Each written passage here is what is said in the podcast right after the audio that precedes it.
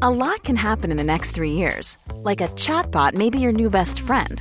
But what won't change? Needing health insurance. United Healthcare Tri Term Medical Plans are available for these changing times. Underwritten by Golden Rule Insurance Company, they offer budget friendly, flexible coverage for people who are in between jobs or missed open enrollment. The plans last nearly three years in some states, with access to a nationwide network of doctors and hospitals. So, for whatever tomorrow brings, United Healthcare Tri Term Medical Plans may be for you. Learn more at uh1.com. I'm Sandra, and I'm just the professional your small business was looking for. But you didn't hire me because you didn't use LinkedIn jobs. LinkedIn has professionals you can't find anywhere else, including those who aren't actively looking for a new job but might be open to the perfect role, like me. In a given month, over 70% of LinkedIn users don't visit other leading job sites. So if you're not looking on LinkedIn, you'll miss out on great candidates like Sandra. Start hiring professionals like a professional. Post your free job on linkedin.com/achieve today. There's never been a faster or easier way to start your weight loss journey than with PlushCare. PlushCare accepts most insurance plans and gives you online access to board-certified physicians who can prescribe FDA-approved weight loss medications like Wigovi and Zepbound for those who qualify. Take charge of your health and speak with a board-certified physician about a weight loss plan that's right for you. Get started today at plushcare.com slash weight loss. That's plushcare.com slash weight loss. plushcare.com slash weight loss.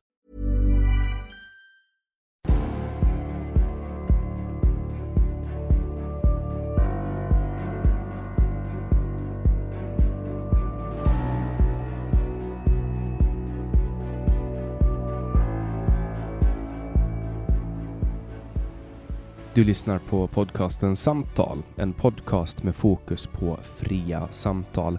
Jag heter Jannik Svensson och jag vill bjuda in dig till vår samtalsgrupp på Facebook. Länk till den hittar du på hemsidan www.samtal.ax. Jag blir också superglad om du vill vara med och hjälpa att stödja det här projektet. Det kan du göra på www.patreon.com samtal eller genom att swisha mig på nummer 070-3522 472. Länkar och nummer hittar du på hemsidan www.samtal.ax.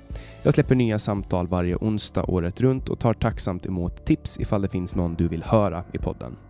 Idén bakom podden är att fokusera på fria samtal. Vi tror att öppenhet är grunden för det demokratiska samtalet och vill uppmuntra dig som lyssnar att exponera dig för samtal med någon du inte håller med om. Jag heter Jannik Svensson och du lyssnar på podcasten Samtal.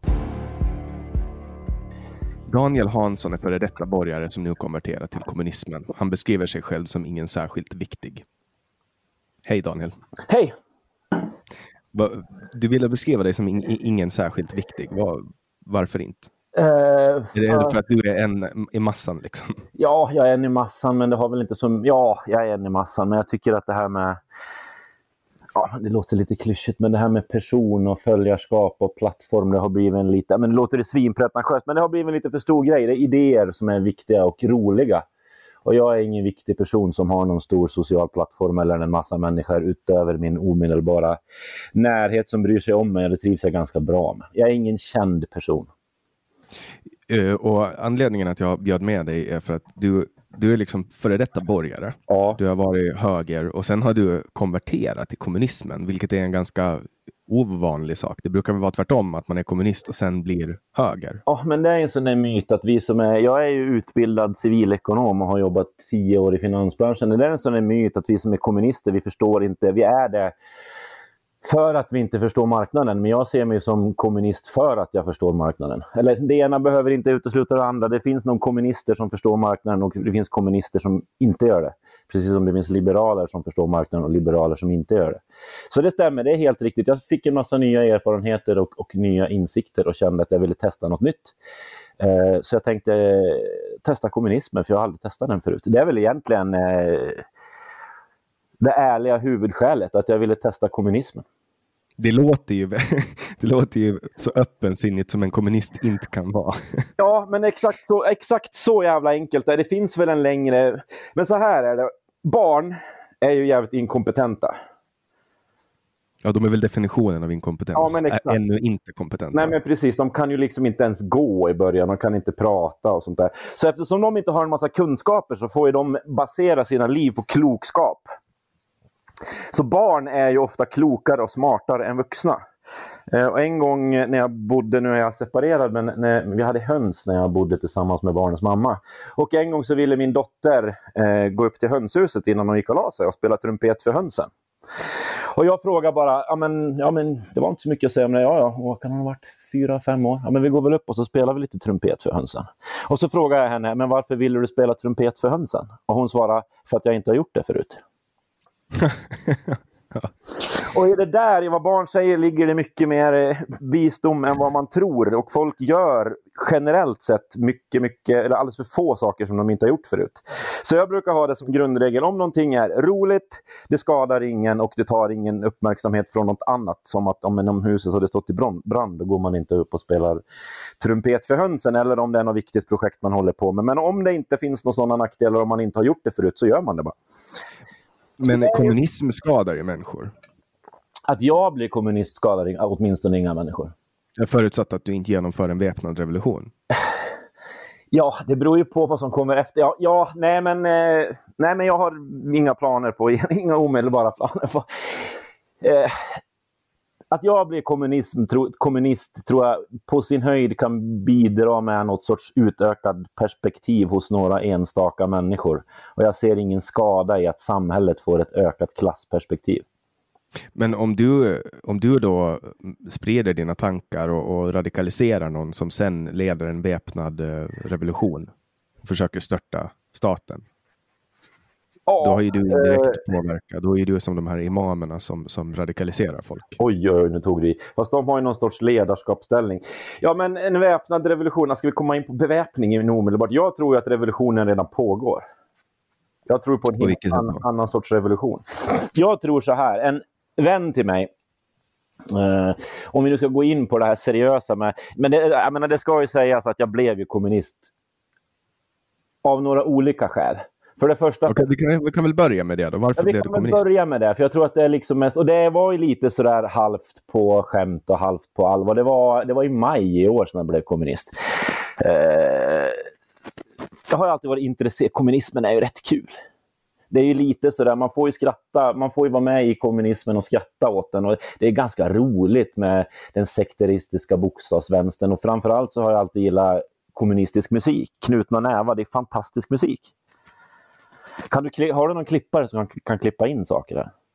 Eh, ja, det, det, har jag. Det är Anders Hesselbom. Ja. Nej, det är jag som klipper, men Anders Hesselbom ja, men Då kan han klippa in Hör maskinernas sång av Knutna nävar.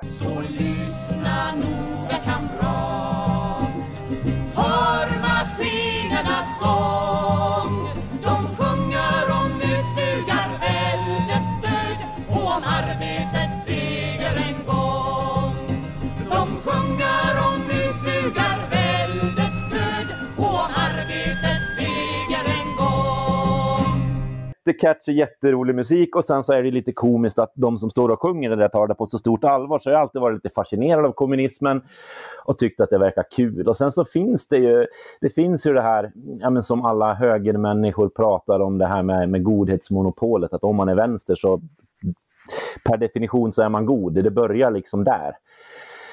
Uh, och lite, det är ju lite sant. Och så tänkte jag lite grann att Ja, men då kan man väl dra nytta av det. If you can't beat them, join them. Liksom. Då kan väl jag också få vara kommunist ett tag och, och få vara den här som per definition automatiskt är god till dess att motsatsen bevisas. För det är lite sant. Som kommunist så får jag ju hålla med om det. Uh, och sen så har ju jag, jag menar jag som enskild person, jag har liksom inget, om man ska se det i något större perspektiv, jag har just inget inflytande på någon. Uh, jag kan inte... Ja, dina barn? Ja, mina barn till exempel, men de pratar inte så mycket kommunism. De får ju bilda sig sin egen uppfattning. Det är ju, mina barn har, jag hoppas verkligen att de blir motsatsen till allt jag är och att de testar det. Jag plockar inte på dem någon kommunism eller socialism. Du vill att de ska bli libertarianer alltså? Testa någonting annat. Bli motsatsen. Gör revolt och testa vad som passar bra för dig.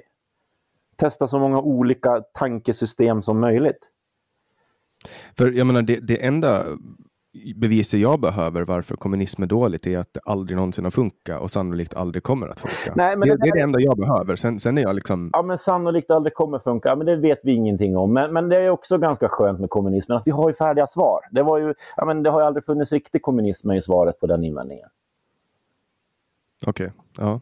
Och samma sak kan ju sägas om, om, om, om eh, olika typer av, av liberalism i sin le, renaste form som du förespråkar.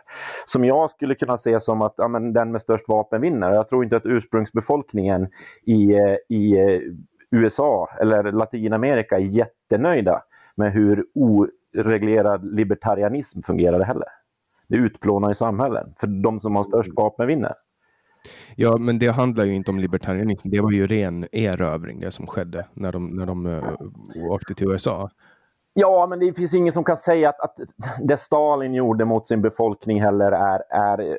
Det var ju också rent maktspel, ren psykos, ren paranoia. Man men alla andra kommunistiska stater då?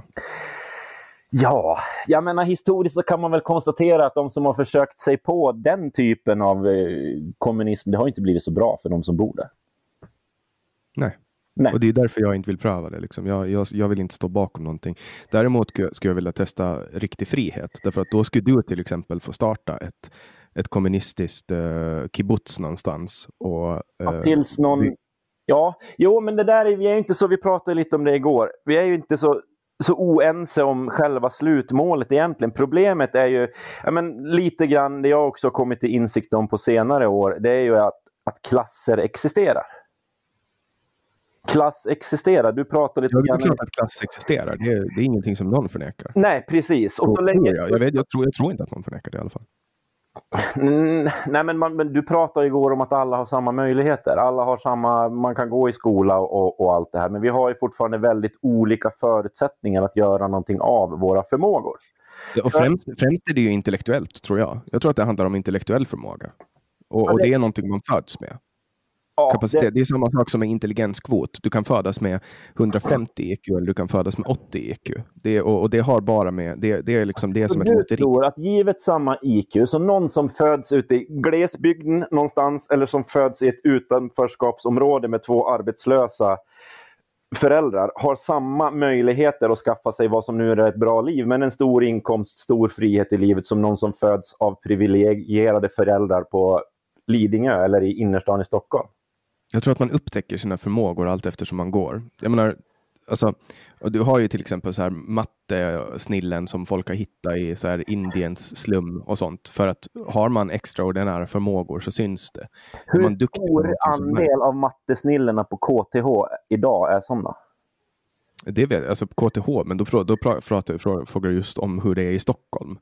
Eh, ja, men någon annanstans då, på universitet och högskolor. Tror du att det generellt sett är så att det, finns, att det springer runt mycket ursprungsinvånare från något land därför att de har blivit upptäckta av en slump? Nej, men alltså på, på, vi har ju ett meritokratiskt system. Ja. Eh, du blir antagen ut efter dina förmågor, inte ja. ut efter klass. Du har ju lika stor förutsättning om du kommer från, från en arbetarfamilj i Vällingby som om du, om du är uppfödd eh, på, på Birger Jarlsgatan ja, på, på Östermalm. På pappret är det ju så, men den som är, jag menar jag har träffat folk i olika sammanhang, de som är ute och gör inbrott med sina föräldrar eh, och föräldrarna stoppar i dem tjack. Men det är ju en, jätte, det är en extremt dålig kultur. Det är en extremt ifrån. dålig kultur och den ja. kulturen då, finns ju, och då får man ju väldigt, väldigt, väldigt svåra förutsättningar. Visst är det så, absolut. Och där är ju man, men, men det finns ju trots allt människor som, som kommer från dåliga förutsättningar som klarar sig på grund av att ja. de har viljan och, och modet. I... Och jag tror att staten slår hål på viljan och modet. Jag tror Hur? att den slår sönder. Hur? Men vi har ett skolsystem som till exempel jag, jag anser att jag är eh, i ganska stor mån fullt fungerande. Ja. Men jag klarar inte av skolmatte. Nej. Jag har så jävla svårt med skolmatte. Alltså, jag är 27 om en månad. Ja. Och jag har fortfarande inte klarat av uh, gymnasiematten. Okej. Okay. För att jag, jag, alltså det, det, är för svårt för mig. det är väl... alldeles för svårt för mig. Jag har inga problem med några andra ämnen i skolan överhuvudtaget, förutom matten. Och det, det har hindrat mig från att få en gymnasieutbildning. Jag får inte ut min gymnasieutbildning. Okej. Okay. Och, och det, det, är för att man har ett system som är byggt, byggt för någon annan. Jag har inte förutsättningarna för att klara det. Nej. Därför att man har satt ett system och det är staten som har bestämt att för att du ska få utbilda dig till, i filosofi, då behöver du kunna matte. Här, varsågod, gör det här. Ja. Och det, det, det, det är staten som slår hål. Nu har jag varit ute i arbetslivet och haft ett jätteroligt och intressant och lärorikt arbetsliv och, och nu har jag liksom bestämt mig för att jag ska klara av den här matten. Men, men det här, det är staten som slår hål på, på, på drömmar. Hur ska det gå till istället då, tänker du? Ja, men låt mig för helvete studera filosofi utan att jag vet vad en linjär ekvation är för någonting. Ja.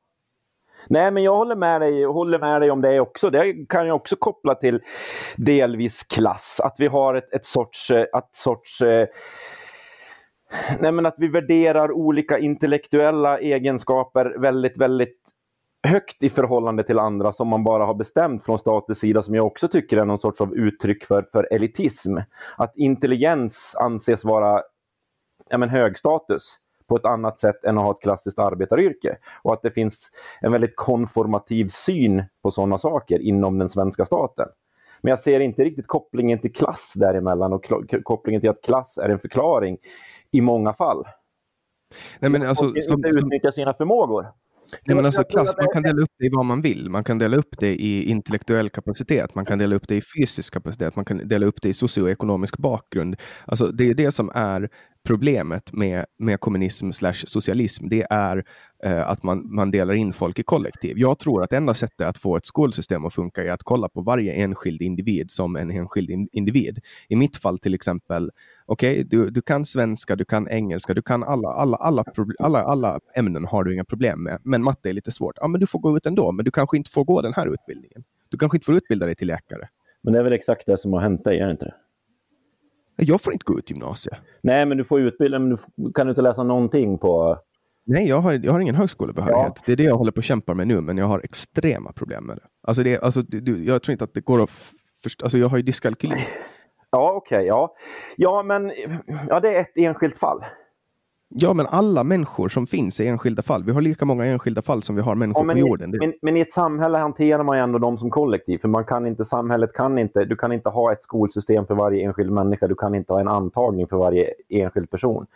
Jag tror på enskild antagning. Jag tror att vi har den teknik som krävs eh, och finns det incitament att utveckla mjukvaror som kan lära sig specifika barn och deras learning curves och deras sätt att lära sig om de är auditiva, visuella, kinetiska och så eller Ja, jag, jag säger inte emot det.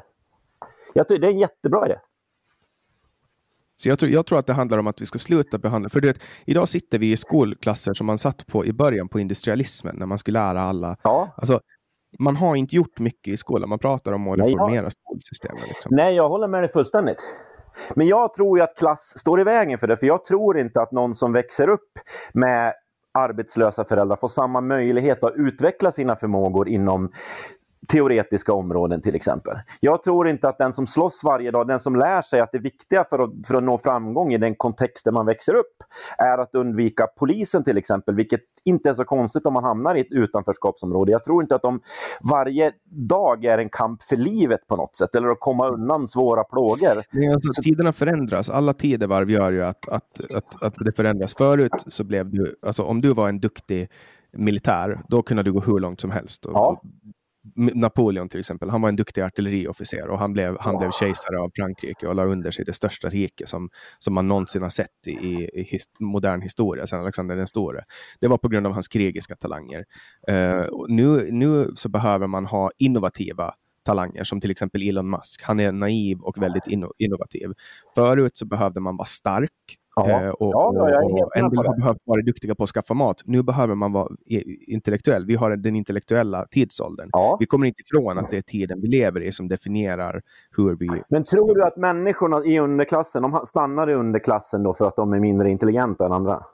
Nej, det tror jag inte. Fast det är ju det du säger då. Om, om, förklaringen, om förklaringen inte är klass utan intellektuella förmågor så stå, sitter du här och säger i princip att underklassen och arbetarklassen fortsätter vara arbetarklass och underklass för att de saknar de intellektuella förmågorna. Nej, du kan, du kan bli eh, stark, till exempel fysiskt stark. Eh, det kostar inte mycket. Du kan gå ut i skogen och springa. Du kan göra armhävningar och på det sättet bli en av de eh, mest framgångsrika idrottsmänniskorna i hela världen. Ja, Eh, du kanske, alltså, så här, och, men då måste du lägga ner tiden på att göra det. Ja. Du måste lägga ner tid. Du kan också bli hantverkare ja. och bli den absolut bästa i yrket och kanske starta en Youtube-kanal och, och snickra stolar och få jättemycket streams och, eller, Ja. och, och så. Men, men alltså, du behöver göra någonting Du behöver lägga ner väldigt, väldigt mycket tid på att bli bra på någonting. Och jag tror att staten slår hål på människors vilja att göra väldigt, väldigt mycket. För alla vill bli filmstjärnor, men ingen vill göra jobbet. Ja, men jag säger inte emot dig på någon punkt där. Så jag säger att underklassen har, har, kan, kan bli vad som helst, men alla kan inte bli vad. Allt, alltså du kan inte bli pilot om du är färgblind till exempel. Nej, men så är det också med underklassen. Det finns hinder. Det är mycket, Ja, ja, man, man får ju aldrig, om du växer upp ute på glesbygden eller i, i, i ett utanförskapsområde med föräldrar som är arbetslösa, kanske inte kan språket. Du har, du har ju mycket, mycket, mycket mindre sannolikhet att hamna Så är det, absolut, där- och så är dina- Och därför anser jag att klass, det är därför tycker jag att klass är ett problem och ett problem som vi måste prata om och hantera. Och jag, Mm. kan vi ta bort klasserna så är jag helt för det libertarianska samhället rakt av. Om Sjukdomar är också ett problem som vi har. ja. Är det libertarianska samhället en lösning på det? Staten göder ju sjukdomar idag, välfärdssjukdomar, så som fetma till exempel. 70 miljarder kronor per år kostar fetma. Så För- staten för- gör det för att staten gillar att tjäna pengar på fetma? Nej, det säger jag inte, men staten göder det genom att tillåta att vi kan äta i princip hur mycket som helst utan att behöva ta ansvar för det. För att vi, Ja, det är det, är, det är väl ett avskyvärt symptom på kapitalismen i så fall? Att företag tjänar en jävla massa pengar och folk tjänar pengar på att folk är feta. Ja, men det är, väl, det är väl att staten betalar för folk som blir feta om, om, man, om man blir sjuk och, och får diabetes typ 2 till exempel. Då får man ju då får man ju betalt allting och du behöver liksom inte ta något personligt ansvar. Du kan fortsätta äta. Och din hållning är att man ska göra vad med de som har Min diabetes? hållning är att, min hållning är att staten, staten gör ju att inte vi behöver lida i, av konsekvenserna av våra handlingar. Ja, men, Det är, bara när vi, det är bara när vi lurar staten som vi behöver vara rädda. ja, men varför? Jag är inte så upphängd vid staten. Det där vet jag inte. Staten är inte så intressant för mig som, som kommunist. Staten, Men vadå, staten äger ju alla företag i din, i din utopi. ja men inte staten på det. Staten måste ju finnas. Folket ska äga alla företag. Nu är jag ganska ny. Jag är inte så jävla rotad i kommunismen. Jag är inte så bra på kommunismen än. Men, men staten ska ju bestå av människorna på i en högre utsträckning än det som sker idag. Saker ska ägas kollektivt, inte av en stat som är en stor egen enhet och massa. Det blir ju en enhet av att staten äger det. Att, individerna inte... Alltså det är ju klart att man kan säga att ja, men det är folkets vilja och hit och dit och det är folket som har... Men så, så är det inte. I, mitt, alltså, I det här fallet, vi har myndigheter som är hundratals år gamla Ja. som är skitdåliga. För att Ja. eh, lagstiftare på 1900, början på 1900-talet har, Ja, ja, bestämt jag- att nu ska vi ha den ja. här myndigheten. Och, den, och, och då ska vi leva vidare med den. Ja. Och jag håller med om att det, och det är ett av skälen till att jag är för något slags revolution, där man får börja om från början. För det jag håller med som du säger, det är ju, om man tittar på Arbetsförmedlingen som den ser ut idag. Den finns ju där för att, ja men i stort sett för att den har funnits länge. Det är enda skälet till att den finns. Om man hade, jag vet inte, säg att Arbetsförmedlingen säger att den kostar, inte vet jag, 100 miljarder. Om man satt med ett blankt papper idag i en statsbudget och så hade man 100 miljarder. Så skulle ju ingen där säga att, ja men vad fan, vet ni vad vi gör? Vi startar en arbetsförmedling som inte förmedlar arbeten för 100 miljarder. Exakt, det ska inte hända. Nej, Det är samma med public service. ja, Det skulle inte uppstå idag om man, om man Nej. sitta med ett blankt papper och bara, hörni, vet ni vad jag tycker vi gör? Vi, vi startar en tv och en radiokanal. Och så ger vi dem, eh, vad är det, 8 miljarder de får. ja, de kanske inte skulle Eh. få så mycket. De kanske inte skulle få göra Melodifestivalen. Nej, men alltså, tro, jag tror inte ens att de skulle, då skulle de säga så här, nej, vi kan inte inskränka, vi kan inte riskera att starta en statlig tv-kanal och hit och dit. Det skulle bli... Nej, det eh, skulle föregås risken. av en intressant debatt, om inte annat. Sen kan det vara så att det finns vissa särintressen som inte är, är kommersie- kommersiellt intressanta. Som, jag menar, rent, rent konkret, det är inte så intressant att göra reklam till äldre människor, för de dör snart. Eh, Varför trycker eh, staten i en tidning? Vad sa du? Varför? varför? Varför, varför trycker inte staten någon tidning? De har ju SVT och, och Ja, Sveriges Radio. nej, men det går att säga jättemycket om, om public service. Jag tycker public service som, som princip, att man ska ha någonting. Jag vet inte. Jag tycker inte att principen är helt vansinnig. Sen kan man diskutera utformning. Men principfrågan var att det finns en massa skit som finns där bara för att det alltid har funnits.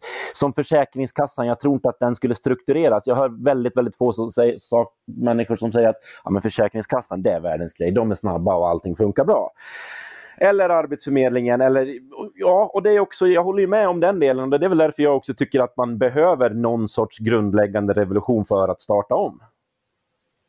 Och hur ska den revolutionen gå till då? Jag tror ju att den pågår. Ja, det här är ju ganska teoretiskt. Eh, jag tror ju att den pågår. Jag tror ju på att människor i ganska hög utsträckning är på väg att bli det som Marx pratar om, alienerade från sina arbetsuppgifter. De känner sig inte delaktiga i det de gör. Jag har en vän för några månader sedan som åkte spårvagn i Göteborg eh, och som inte hade eh, betalt biljetten för hon hade inga pengar. Och då kom det fram en kontrollant, tittar på biljetten eller mobilen eller vem man visar upp, blippar den och sen bara går vidare. Trots att den inte var betald. För att han skiter fullständigt. Han ser ingen vinning i att bötfälla en annan människa. Det är en arbetare som ska bötfälla en annan arbetare eller underklass. Så folk bara låter bli. För de känner inte att de gör någon nytta i att tjäna staten eller tjäna sitt, sitt privatägda företag. Så, Ja, nu finns det ju också kontrollsystem så att om, om, de, gör för, om, de, om de skippar att bötfälla för mycket så kommer det att synas på Ja, statistiken. då kommer det att synas. Ja, men då kommer det sen, sen till slut finnas någon som skiter i att ha koll på kontrollsystemet. För det engagerar inte folk. Folk känner sig inte delaktiga i det de gör. De Jag har, varit- jag har varit med folk som har planka som har liksom blivit jagade genom tunnelbanan. Ja, sådana kommer det alltid finnas som tycker det är kul. Men jag tror att, att utvecklingen går ditåt. Att folk blir, känner sig mindre och mindre engagerade i sådana där uppgifter som går ut på att straffa andra arbetare. Och att de inte ser något värde i det och att man vill hitta ett annat sätt att göra någonting. Sen har ju inte jag... Nej, men vi ska inte göra någon Stalin-grej. Det är ingen bra pryl. Jag tror att vi, vi är ganska överens om det. Mm. Men jag tror att klassperspektivet, och det jag ville göra, det var lite grann det du pratar om. För det jag kände med kommunismen, okej jag har röstat på KD i hela mitt vuxna liv. Och ganska mycket där börjar också gå på rutin. Att man förutsätter vissa saker. Ja, men det här var ju uppfattningar som jag började skaffa mig när jag var vadå, 12-13. Och så kände jag att men fan, jag kanske ska testa något helt nytt. Jag kanske inte ska tweaka någon liten grej, prata om skolsystemet, någon liten grej heller, utan jag bara testar något helt nytt. Och så ser jag om det kan ge mig ett annat sätt att förstå världen. Om jag till, lägger till klass, som jag också som, som har argumenterat om bara för ett år sedan, ungefär som du. Om jag lägger till ett klassperspektiv, en marxistisk analys, till det jag redan vet, förklarar det, gör det världen mer begriplig för mig. Är- men vad, vad ger oss marxistisk klassanalys då, förutom massmord, svält och död? Men Klassanalysen ger inga marsmord. Ja, men den har ju lett till det. Klass... Men, men det är också en sån där sak som på samma sätt som en, en har- islamistisk radikalisering Ja, fast börjar ju med att har någon den har ju- den har ju- den har ju- Den har ju lett till kvinnlig rösträtt till exempel. Den har ju rätt till att arbetare, någon som helst, rätt på sina arbetsplatser. Den har ju rätt till fackföreningar som står upp till för där arbetarna inte bara behöver lyda godsägarens piska. Så vi har Marx att tacka för kvinnlig rösträtt. Men naturligtvis så har vi en stor del av utvecklingen idag att tacka, för, för, tacka marxismen för. Om man tittar på hur världen såg ut innan, för 100 vad- 100-150 år sedan. Kan det inte vara nyliberala handelsreformer då som boostade på ekonomin så mycket som gjorde att människor fick ett bra väl, ett större välstånd och började diskutera frihet i större... När skedde det då? Alltså, du har ju hela industrialismen som, som drogs igång tack vare en rad av, av frihandelsreformer. Ja, men vem gynnar den? Alla människor. Kapitalismen, det finns, ingen, det finns ingenting som har gynnat mänskligheten så mycket som kapitalismen. Men, men gynnar den arbetarna som slet i sitt anlete svett hos brukspatronerna och godsägarna i början på 1900-talet? Som jobbade åt storbönderna som var i stort sett livegna. Det var en del av den industrialismen som ledde till den goda ekonomi som vi har. Det var en, en, vi, var också, vi släppte också ut väldigt mycket eh, koldioxid under den tiden. Vi släppte ut mycket miljögifter. Ja. Och, och det, var, det var någonting som vi gjorde under vår industriella revolution. Och Kina är mitt inne i sin industriella revolution just nu. De håller på att höja sin medelklass upp ur förtryck. De håller på att höja sin eh, ekonomiska status Ja. i världen. Och De de håller på, alltså, de med- som- och de, Och de gör Ja. ju det med ett, ett mycket mer socialistiskt perspektiv. De har ju fortfarande sina femårsplaner. De har ju ingen renodlad kapitalism som vi tycks tro här. Utan det finns ju mycket mer politisk styrning av vart man vill komma med stam. Sen försvarar inte jag Kina på alla punkter. Men där finns det ju en politisk styrning och nu sitter du själv och försvarar Kina då som väl är en inom citationstecken kommunistisk stat. Är Nej, jag, jag försvarar inte om jag bara säger att jag påpekar att det redan går igenom nu. Det är samma med Bangladesh och Indien. De släpper också ut väldigt mycket men hur eh, kommer vi in på koldioxid nu? Därför att eh, revolutioner kostar. Ja, Den det var- industriella revolutionen kostade. Den tog på jordens resurser, men den skapar också ett välstånd som gör att vi idag släpper ut mindre koldioxid och har det mycket bättre. Vi har ju aldrig haft det så bra som vi har det nu. Det har aldrig dött så lite människor Nej. på jorden som det gör nu. Nej, det, Vi har aldrig haft så lite svält som vi har just nu. Vi har aldrig haft så lite slaveri. Vi har aldrig haft så lite krig. Alltså hur man än kollar på det så lever vi i den bästa tiden någonsin. Eh, och kollar man på antal människor som lever i välstånd så är det det högsta någonsin Men- i förhållande till befolkningen. ja, you're preaching to the choir. Ja, men jag säger inte emot. Och sen har vi ju då utsatta människor Ja. eh, i en del delar av världen. Eh, och det är jättetråkigt. Jag tror att vi som samhälle behöver tillsammans se till att eh, lösa upp gränser för att kunna Ja. göra det möjligt för alla de här människorna att för det första genomgå sina revolutioner Ja. för att sen, och, och skapa upp, stabilisera sin ekonomi för att sen kunna införa cleantech och, och, och komma till, ett, till, ett, till en värld som är hållbar i längden utan krig. Men för vad- att vad- Vad är, för, för det, är så, ja, men det är också ett jätteproblem med handelstullar och de här sakerna. Det är rika länder och rika företag är beroende av handelstullar för att inte kunna för att hålla, om man nu ska titta i ett globalt perspektiv, fattiga i andra länder utanför marknaden. Vad, Ja, vad, vet- vad man- i det du säger går emot ett kommunistiskt eller socialistiskt perspektiv? eh, att det inte finns en stat som styr. Staten finns där för att eh, värna om våra fri och rättigheter, inte för att vara våra fri och rättigheter. Men Alltså, som- staten exempel? har ju inget egenvärde. Jag ser inte staten som något stort egenvärde i, kommunismen. Det blir Men om staten äger allt, Människorna tillsammans äger allt och det behöver inte styras via en stor oformlig stat. ja, men en människa som inte har producerat någonting, varför ska den äga någonting? Var, vilka, Den, den äger, det räcker fullgott med att äga sin egen frihet. vilka människor har inte producerat någonting? Ja, men, alltså, varför ska jag vara delägare i en, i en eh, fiskodling eller en syfabrik om inte jag kan någonting om fiskodling eller att sy? Ja, men du jobbar väl där för att du kan någonting om det? Nej, men jag jobbar med det jag gör. Liksom. Varför ska jag vara delägare i någonting som inte är mitt? På samma sätt som att jag är delägare i staten. Jag vill inte... Jag vill inte alltså, alltså om vi tar ett exempel där när vi, vi pratar om handel. Ja, Man vet inte vad som händer om man släpper handeln fri. Men, men det vi vet är att det har aldrig någonsin gått helt åt helvete. Alltså ta till exempel Napoleons eh, kontinentalblockad mot eh, England. När man då i, i, i eh, början på 1800-talet försökte blockera all handel med England och på det sättet skulle svälta ut dem. Det som hände var att England fick det jobbigt.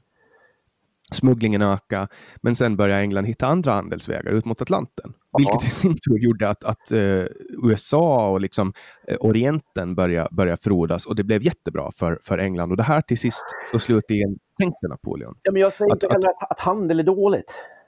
Nej, nej, det jag säger är att om du gör ett ingrepp på den fria marknaden så kommer den fria marknaden att hitta en väg att korrigera det. Det gör det alltid. Så att om vi tar bort alla handelstullar så kanske det blir en kortsiktig smäll, men sen kommer vi hitta annan handel som gynnar oss, för vi kommer aldrig att sluta ha behov av varor och tjänster. Nej. Nej, men jag är inte för handelstullar. Jag är för att alla ska få vara med och bidra. Det handlar om en fördelning av det som sen kommer in. Jag tror inte att man får sämre arbetare på ett, en fabrik eller en, om de får vara delägare och dela upp produktionen mer jämlikt. Jag tror inte att det finns någon, att samhället blir så fruktansvärt mycket bättre av att någon kan tjäna 10 miljoner på en månad. Än om det De som, de som är miljon. bra med att driva affärsverksamhet ska ju driva affärsverksamhet. Ja. Det är ju där de gör bäst. Och, och det som får Och, var, folk, det och som varför motiverar ska det värderas så mycket högre än andra kunskaper? Men, men har vi till exempel Bill Gates, han har ju skapat mycket mera värde än vad flera Hade han nationer- inte gjort det om han inte hade tjänat så jävla mycket pengar på det?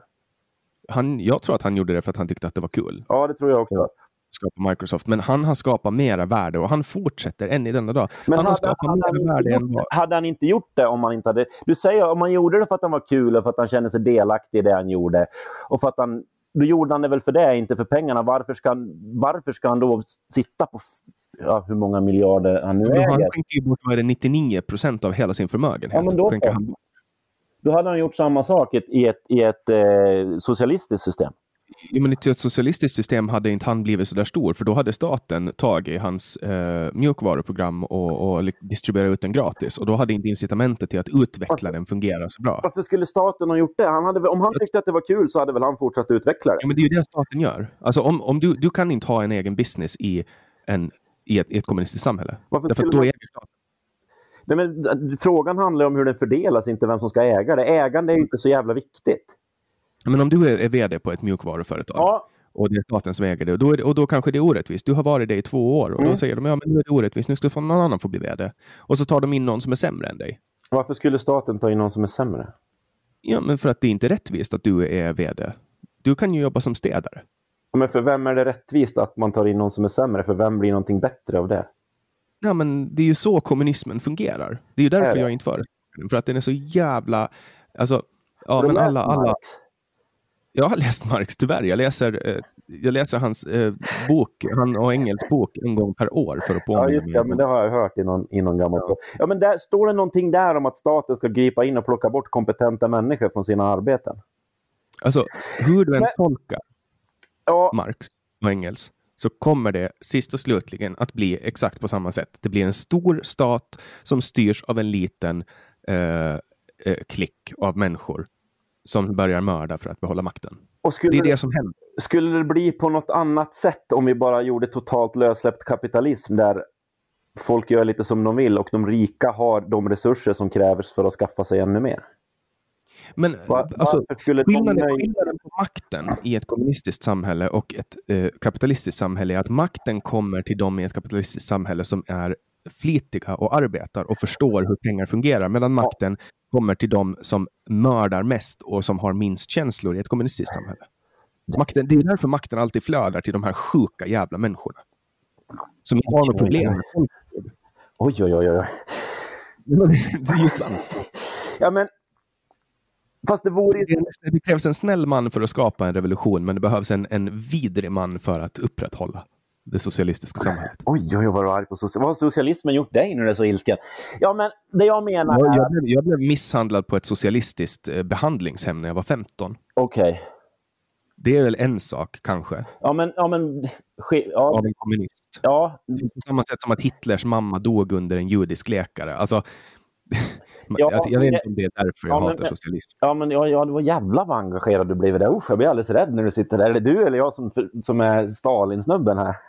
Ja, Jag vet inte. Men alltså, jag, jag brukar ju vanligtvis inte... Jag upplever att vi samtalar nu, men när jag samtalar eh, socialism, då Ja, blir jag jag märker lite... det. Det triggar dig lite. Du kanske, kanske skulle ha haft något... Ja, du visste ju om att jag var kommunist redan när du ringde. Ja, Men jag tycker ändå att jag är ganska lugn i förhållande till vad jag brukar vara när jag diskuterar med kommunister. oj, oj, oj. Det var det värsta. Men Du får säga till om, om, om jag Nej, tappar jag- samtalet så får du korrigera mig. Nej, men det blir lite, jag blir lite översköljd bara av en massa olika saker som jag inte var riktigt beredd på. Nej, men, ja, men, men, men, det var ingen, det var ingen socialistisk handling att misshandla dig på ett behandlingshem. Nej, men jag ska ju rättas. Jag ska ju rättas i ledet. Ja, det är ju helt bedrövligt. Men det är ju så det funkar. Alltså om inte jag... vad funkar så? Det finns, står det så i Marx böcker att du ska rättas i ledet och få stryk om du är på ett behandlingshem? Nej, Men det är ju så, alltså det, det är just... Det bara, men, Men vad står det i Marx att man ska skicka folk till Gulag? Man gjorde det ändå. Alltså det där är folks Ja. tolkning av kommunismen. Alltså, så, jag så, så länge sympatiserar inte med den tolkningen av kommunismen. den enda principen som jag håller helig, det är non-aggression principle. Du har rätt att inte bli slagen. Ja, Det är negativa rättigheter. ja, du har rätt ja, att det är jättebra. Och göra det du vill. Och om någon slår dig, då får du slå tillbaks. Ja. Ja, jag får inte slå tillbaka mot en polis. Nej, men det är, det, är, det är en fullt rimlig ståndpunkt. Det är inget konstigt med den och det är ingen som säger emot det. Men, Men- inom kommunismen, då får, då, får, då får staten appropriera mark när som helst. Du kan ha, du kan ha ärvt en lott Men- jord som din familj har förvaltat i 300 år. Och sen kommer, Ska, ska vi ha arvsrätt? ja, det är klart vi ska ha arvsrätt. Varför är det klart? Men varför skulle det inte vara? Om- jag har byggt upp någonting, då är det klart att det ska tillfalla mina avkommor. De har liksom simmat genom min kuk och flyttat in i en kvinna som sen har liksom med, med mitt arbete och, och, och hennes arbete gemensamt, liksom, vi har slagit våra gener tillsammans. Det är klart att de ska få ärva det jag har, har skapat och ackumulerat. Så för att de måste simma genom just din kuk istället för någon annan så ska de få andra förutsättningar i livet än ett annat barn som har simmat genom någon annans kuk? Om du kämpar hårt eh, i ditt nu liv, då kan du belöna nu dina kommande Nu, generationer. nu pratar vi om förutsättningarna. Den som föds har inte kämpat någonting. Mer än att simma genom en kuk. Nej, men, Eh, men bra, jag, ska, men- jag, har jag skulle inte vilja skaffa barn om inte jag skulle kunna ge dem någonting tryggt. Det är därför jag inte har skaffat barn ännu, för jag har inte möjligheten att ge dem ett, ett tryggt liv ännu. Men när jag har hus, när jag har eh, liksom eh, ingen lån och, och känner att jag är redo, då kommer jag att skaffa barn. Och för att kunna ge dem ett bättre liv än vad jag hade. Och jag kommer att försöka lära mina barn att bli smartare och bättre än vad jag var. Ja, det gör ju alla. Det, är liksom, det blir de av sig själva. Det behöver man inte ens lära dem. Barn är alltid smartare än vuxna. Men, men, eh, jo, men jag menar, var är rättvisan då i att den som simmar genom just din kuk istället för någon annans får bättre förutsättningar att göra någonting av sina förmågor? Men på vilket sätt är livet rättvist i någon mån? En del får cancer och dör. Ja, men, men, En del har astma. men är inte rättvisa fortfarande eftersträvansvärt? Ja, men vad, vad är då? Då är jämlikhet eftersträvansvärt. Ja. Jämställdhet är Ja. eftersträvansvärt. Ja, 50-50 är eftersträvansvärt. inte nödvändigt. Vad är 50-50? Ja, men- Nej, men 50-50 på alla plan. Alltså då, då, då, blir ju, då öppnar man ju upp tolkningen för vad som helst. Alltså, din affärsidé går ju ut på att övertyga människor om att de har det svårt, de har det jobbigt på grund av ett förtryckande system. Och om de, om de röstar på dig, då tar ni över staten tillsammans och så ger du dem möjligheten att, Ja, för det att bli första, bättre. jag, jag hoppas fan att ingen röstar på mig. Det vore en... Uff, det skulle jag inte orka med. Ja, men jag tänker på alla, man kan applicera det på alla kommunister. Ja, men nu, nu, nu är du jävligt kollektivistisk. Jag är inte alla kommunister. Nu är det mig du pratar med. Ja, men alla individuella ko kommunister som Ja, men har hyser ett kommunistiska kollektiv av oss individer igen. Det var det du skulle låta bli med, sa du? Ja, men du förstår ju vad jag menar, Ja, jag hur? förstår vad du menar. Jag känner mig till, din- tillskriven en massa uppfattningar som jag inte har. Okej, men berätta för mig hur jag har fel. Hur, på vilket sätt säljer du inte in att, att uh, underklassen har det jobbigare? Det, jag säljer och säljer. Jag konstaterar att underklassen har det jobbigare och att klass är ett stort problem som ingen pratar om riktigt. Framförallt inte i borgerligheten. Som man inte vill se och som man inte vill prata om. Och jag tycker att det görs för lite eh, för att göra någonting åt klassamhället. Alltså det enda Och vi jag- jag pratar att- om är ju identitetspolitik. Fast- Hela tiden. Ja, ni, vem fan, jag pratar inte om det. Nu är det du. Vilka vi? Vi. Alla i samhället. Ja, inte jag. Fan vad jag hatar att prata om identitetspolitik. Ja, men det är så här, vi, vi pratar om rasism, vi pratar om kvinnors och mäns rättigheter, vi pratar om olika sexuella läggningar. Vi pratar aldrig om människors frihet. Gör Det är liksom som att friheten, det är ju samma som med det, med, med det här exemplet på eh, det som kallas för den nordiska paradoxen. Nu vet jag inte hur underbyggt det är, men att vi har världens mest egalitära samhälle uppe i Skandinavien slash Norden. Eh, men ändå har vi fler andel kvinnor i kvinnodominerade yrken kontra, eller, och, och eh, fler andel män i män, mansdominerade yrken. Och det är för att vi har frihet, vilket, och, och då är det så här, man kan inte ha både och. Så här, vi, kan, vi kan styra, antingen så kan vi inskränka friheten och tvinga män att jobba som sjuksköterskor och kvinnor eh, som grävmaskinister. Ja, Eller, eller. Fast, Alltså- fast det där är ju också, ja fast politiken måste ju kunna vara med och styra. Har du jobbat på, vad har du jobbat, har du jobbat på arbetsplatser med 100% män någon gång? Jag jobbar på tidning och där är det ganska jämnt fördelat. Och sen har jag jobbat inom reklambranschen där är det också ganska jämnt fördelat. Ja, jag har jobbat på arbetsplatser i huvudsak med, med, mm, som är i stort sett 100% i finansbranschen i huvudsak. Och det blir en jävla skillnad när det kommer in en kvinna där. Och på samma sätt så tror jag att andra myndigheter som socialtjänsten på sådana ställen där det jobbar i huvudsak kvinnor, så tror jag att, att över, överlag så är kvinnor mer benägna att, att teama med andra kvinnor och män är mer benägna att teama med andra män om det bara finns kvinnor och män på arbetsplatserna. Så jag tycker att det är ganska rimligt att man inför någon form av krav på kvotering. Som med politiska styr. Det behöver inte vara 50-50 men det kan vara, jag tror inte att det finns några sammanhang rent praktiskt som där det blir mindre bra av att man kvoterar in till exempel 20% kvinnor på en mansdominerad arbetsplats. Även om det betyder att någon man inte kommer att få jobba med sitt drömyrke. Ja, Och det, och det är där som friheten går före mig. Alltså för mig är alltid friheten Ja, viktigare. fast du kanske- att, att en, du kanske- alla individ, Men du kanske öppnar friheten för människor att komma, för kvinnor att komma in i ett sammanhang där de inte har varit representerade överhuvudtaget tidigare. Eller men alltså, en kvinna, ja, det finns inget förbud för kvinnor att jobba inom nej, men det finansbranschen. fin- nej, nej, men det finns kulturer. Kvinnor söker sig inte dit. På samma sätt som det finns inget förbud för folk att vara med i din vänstermänniskor att vara med i din podd heller. Du försöker få, få dit dem, men de, folk söker sig till sammanhang där folk är ungefär likadana. Och det finns... Jag menar, jag tror att vi har kommit ganska långt i feminismen i Sverige. Jag tycker att vi har kommit ganska långt med jämställdheten och jämli- jämlikheten. Eh, så man ska inte sitta och gnälla för mycket över det heller. Men jag tror att det, kan, att inte, att det inte är ett problem med politiska styrmedel i sådana sammanhang om det öppnar dörren för andra där de annars inte hade gjort det. Men, men alltså hur ska en kvotering då av kvinnor in i en mansdominerad bransch göra att kvinnor vill jobba i den branschen? Alltså, Skulle kulturen förändras? Det- Alltså om du säger att det är kulturen som håller dem utanför, Ja. kan det inte vara intresse som håller dem utanför? Att det kanske är färre kvinnor som vill jobba som automations, automationsingenjörer? Det kan vara både och. Varför skulle det vara färre kvinnor som vill jobba som automationsingenjörer? Nej, men jag bara, eftersom det är flera män som gör det och, och kvinnor får välja och män får välja vad de vill jobba med och så slutar det med att de väljer de här yrkena. Ja, Kanske men, för att de är, är mer intresserade av det. ja, men jag ser inte ett problem med att man, med att man... Ja, så kan det också vara. Men jag, ser, jag har svårt att se någon arbetsplats som blir sämre för totalt sett. För att Det tror, jag tror inte heller att det blir sämre om, om man får in kvinnor där. Eh, Jag tror att, det, att alla mår bra av att umgås med olika former av människor. Ja. Eh, olika bakgrunder, olika religioner, olika Och det språk ja, och, så och vidare. Men jag vill inte tvinga någon att göra det. Nej, men inte jag, egentligen inte i princip om det inte behövdes. Men vi har ju också ett jättestort problem med segregation på alla plan i det här samhället. Men om du, om du, åker, till, om du åker till en eh, livsmedelsbutik i eh, Mellanöstern, Ja. någonstans, ta Egypten. Ja, Vad, kommer- vad, vad, alltså, där kommer du eh, antagligen att hitta män som jobbar. antagligen. Och eh, Egypten, du kommer antagligen att hitta folk från just Egypten som jobbar där. Ja. Och, och varför pratar vi inte om den formen av jämställdhet?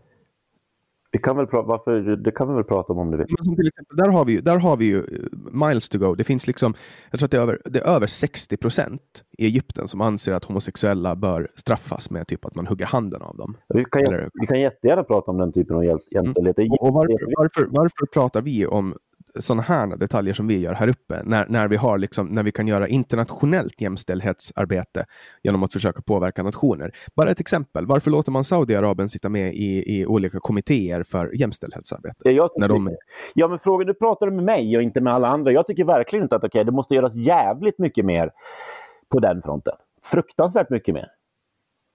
Jag menar, det vi håller på med, det är att vi försöker också, om vi ska kritisera vänstern, vänstern har misslyckats också med att man har för mycket pratat om, om andra typer av jämställdhet utöver klass. Alltså, vi håller på att putsa på fasaden på världens mest egalitära samhälle. Jag- Världens bästa samhälle när det kommer till energieffektivitet. Då ska vi sänka Alltså- våra koldioxidutsläpp för enorma kostnader när vi kan liksom ta våra innovationer och sprida dem i världen. Förstår du vad jag menar? Ja, jag Alltså, förstår vad du menar. Fast du pratar med mig och inte med en massa andra kommunister. De kommer, då, då, Jannik, de kommunister som du är så jävla arg på, jag har full förståelse för det. Men jag är inte den kommunisten. Jag är en annan kommunist. Kan jag få vara det? Christ- Ja, nej men alltså, jo, det är klart att du får vara Andas lite. kommunist. Ja, Eh, alltså, och jag har inga problem med kommunister. Den här podden, alltså, jag, det, Ja, det, men- en, en kille som heter Kristoffer Andersson Fahlström, han är, han är, han är min alibi-kommunist. Vi kommer jättebra överens. ja, men vad bra. Det är bara du och jag som inte gör det. Nej, du och jag kommer bra överens. Ja, jag har ingen problem med det. Jag tycker bara att det är lite roligt. Ja, nej, jag tycker också det är kul. Det, det är meningen att det är jag som ska vara kommunisten som är den arga. Och så är det du som är så jävla arg. Jaha, nej, men det är ju för att, det är för att saker du säger provocerar mig. Men det, det, där har du mina killar. Jag tycker faktiskt att du har sagt, jag har inte hunnit säga så mycket saker än. Jag tycker att Okej. om man mäter det, nu, nu, jag är helt fine med det här samtalet, jag, har ingen, jag är med i den här podden för jag, fast jag vet att du, jag har inga Jag tycker att den här grejen, som, den här övergripande prylen som ni håller på med, det här med samtalsaktivism, jag tycker att det är en jävligt bra grej. Eh, Och det är därför jag är med här, så jag är inte rädd att du blir lite upprörd. Eh, Det, det är helt okej. Ja, jag brukar inte bli upprörd. Det Nej. vet du, du brukar väl lyssna på de här Ja, jag brukar lyssna på dig. Eh, varför blev du just på mig då? Nej, men jag blir alltid när jag pratar kommunism. Ja. Ja, ja, men jag får väl ta det. Det är lugnt. Liksom. Har... Men jag är väl, du- upplever mig inte som otrevlig? hoppas. Nej, jag tycker det är ganska kul. Jag är lite förvånad att du blir så upprörd. Nej, men jag har inga problem med det. Du får bli upprörd. Det är helt okej. Det är också en sån där grej som man är rädd för i den här jävla kulturen. Och blir lite arg och upprörd på saker. Jag tycker det är bra att folk kan bli det. Annars bryr de sig inte. Bra. Men sen vill jag också belysa det faktum att, eh, att du är ju en lyssnare av den här podden. Ja. Och jag tycker att det är jättekul att, att ta in lyssnare också. Ehm, för nu har jag liksom, nu håller jag ju på slutet det här året. Ja, men jag tycker det är en ganska Mm. rolig podd du har. Jag tycker att allt har varit bra utom Alexander Bard. Tack. Vad vad var problemet med Alexander Bard? Ska vi, prata, vi kan prata lite om, om det samtal. Jag stängde av efter 20 minuter. Eh, Problemet med Alexander Bard är väl Alexander Bard helt enkelt. Nej, men det samtalet, det, det, det var... Ja, men som sagt, jag tycker att det mesta har varit jäkligt intressanta avsnitt. Men Alexander Bard, var, varför? Du sa att, var, att du tyckte att han var den bästa gästen, eller den viktigaste. För jag lyssnade på din årskrönika också. Vad var det som var så bra med att få in honom där? Nej, men alltså det som var eh, bra med att få in honom var ju att det är den största gästen jag haft. Ja, det är ju okej. Sveriges kändaste människa. Ja, Eh, och han har gästat min podd och, och tack vare det så har jag fått in nya lyssnare som har börjat upptäcka de här samtalen. Alltså har det hjälpt mig Ja, på väg. ja, Det var också väldigt kul att få med honom därför att en liten pruttpodd som, som min, eh, som får med en stor eh, influencer som honom, det, är- det, är en, det är en hedrande sak. ja, alltså, okej. ja, ja men det är jag skulle kunna ha med kung Carl Gustav den 16. Liksom. ja. ja, det tror jag vore roligt. Jag tror han är rätt soft om man sitter och pratar med honom lite så här. Du, du, du, du, nej, nej, Va? nej. Nej, men jag, härmar honom. Jaha, jaha, låter han så? Ja, det kanske han gör. Nej, men jag har hört från folk som känner honom privat att han är jävligt skön och soft. Sen är det ett ganska drygt sammanhang av vare sig springa runt och vara kung. Liksom. Han har ju också, tar ju också baksidan av klass. Jag tror inte, han har inte valt att vara kung överhuvudtaget. Nej, men det är ju inte synd om honom. Nej, jag tycker Skulle du vilja vara kung?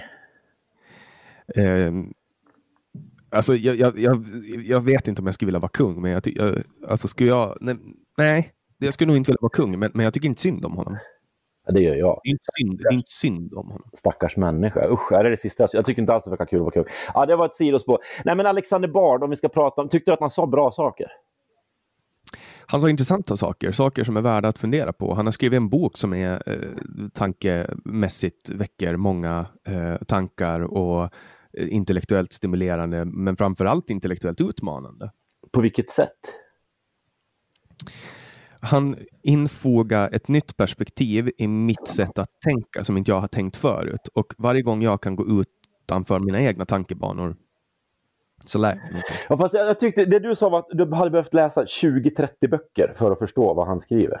Sa du? Ja, för att han, han skriver på, det är ju väldigt tunga saker han skriver och för att förstå referenserna så måste man läsa väldigt mycket. Gör han det eller kastar han bara upp en massa skit i luften som man låter dig sortera ut sen och sen så tänker du ut det själv som är smart i det hela?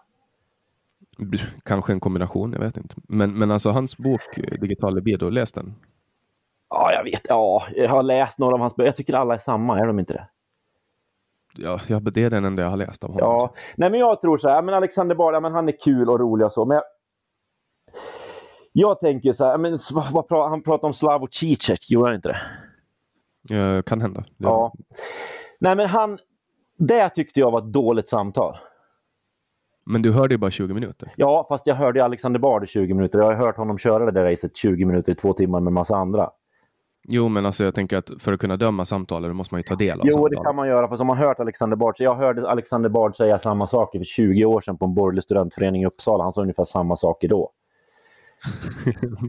ja, han, jag, alltså, jag tycker att alla människor är värda att samtala med, vad de än säger. Jag förstår inte tid att samtala. Nej, men okej, men det, det är en fullt, fullt legitim poäng att, att han ger din podd uppmärksamhet och ger, ger dig en massa lyssnare. Sen vet inte jag hur många poddar han varit med i sista... Men sen samtidigt så ger ju du min podd, du skänker ju min podd innehåll.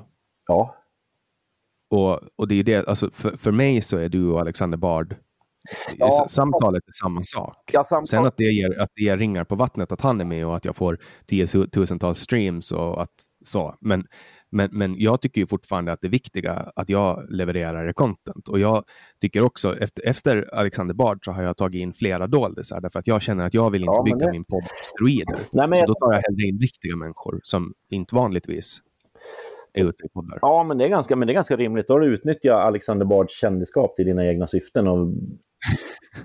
Ja, jag, jag har inga, inga problem. Och han, har utnyttjat, och han har utnyttjat mig för att nå Ja, ut ja, med ja sitt men absolut. Han har ju världens bästa plattform. Han, han får vem som helst. Ja, men han åker runt och säljer böcker.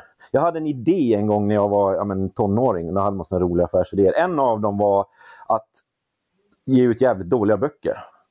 Och sen så låta författarna sälja dem själva. Skita i att läsa igenom dem eller någonting, utan bara göra business av att de får springa runt och sälja sina egna böcker.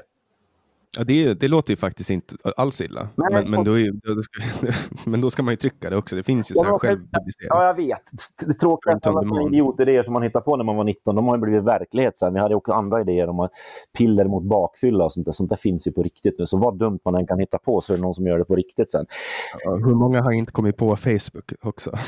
Ja, men inte alla. Ja, nej, men så, så är det ju. Uh, nej, men jag, jag men Alexander Bard, jag förstår inte. Ja, okej, han får vara med av det syftet, men vad säger han egentligen? Jag tyckte det var... Nej, men jag säger inte att han, med, att han är med av det syftet. Jag, jag vill genuint förstå mig på honom. Gjorde du det då? Eh, det var svårt och det är tufft, jo, men det där är samma sak som om du läser... Alexander Bards författarprocess tror jag går till ungefär så här. Men han sitter nere i sin källare, sitt lilla skrivarrum. Och sen så får han någon idé om att, oj, eller han läser någon bok. Ja, men den här fallet, då har han väl läst Zizek helt enkelt. Och sen så får han någon liten halvpsykos och så ska han ut och berätta för alla människor om det här. För nu tycker han att han har förstått världen på samma sätt som någon som har förstått att jorden är platt, fast på en lite högre nivå, inte jättemycket högre. Och sen så tänker han att men han kallar sig filosof av någon anledning. Men sen så vill han någon gång i hans karriär så tänkte han att nu vill jag ge ut de här böckerna till någon som läser dem. Och så var väl inte filosoferna så intresserade av det där, för det är inte så spännande tankegods egentligen. Och sen så någonstans så tänkte han att ja, men jag har haft på mig en rolig hatt i tv någon gång så folk vet vem jag är. Men om du kollar på hans resultat så har han ju uppnått resultat där han påverkar väldigt många människor. Ja, det och det gör man ju inte om man skriver dåliga böcker. Påverkar han så mycket människor med sina böcker? Då? Hur, påverkar, hur påverkar han böcker? Eller hur påverkar han, drar, han drar in folk, eh, genom att vara en offentlig person så drar han in folk i sitt tankegods som sen blir intresserade av honom och på det sättet så läser de hans böcker. Vad gör de av det då? Gör de något? En, nej, men han börjar... nej, men alltså, det, det, går ju inte att mäta. Det är ett mjukt värde som inte går. Det är inte mätbart. Men alltså, du kan ju se att, att du kan så ett frö. Kommunismens frö såddes av, av Marx och säkert folk innan. Eh, och det ledde till eh, Ryssland. Ja, men vad, så, eh, vad står Alexander Bard för frö? Ja, men det, är, det går inte att säga. Det går, alltså, det går inte. Det är, är det... fysiskt omöjligt att berätta. Men är det inte vad, bara en massa ord i rad? Nej, men som till exempel uh, The Catcher in the Rye eh, boken som, som, som fick Mark David Chapman att mörda John Lennon. Den, förstår du? Den så det, det går att mäta. Ja, det går att mäta, men, ja. Men, vad, men du, kan, du kan aldrig mäta underhållningsvärde, hur många människor som har läst The Catcher in the Rye och tyckt att det har varit en bra bok. Nej.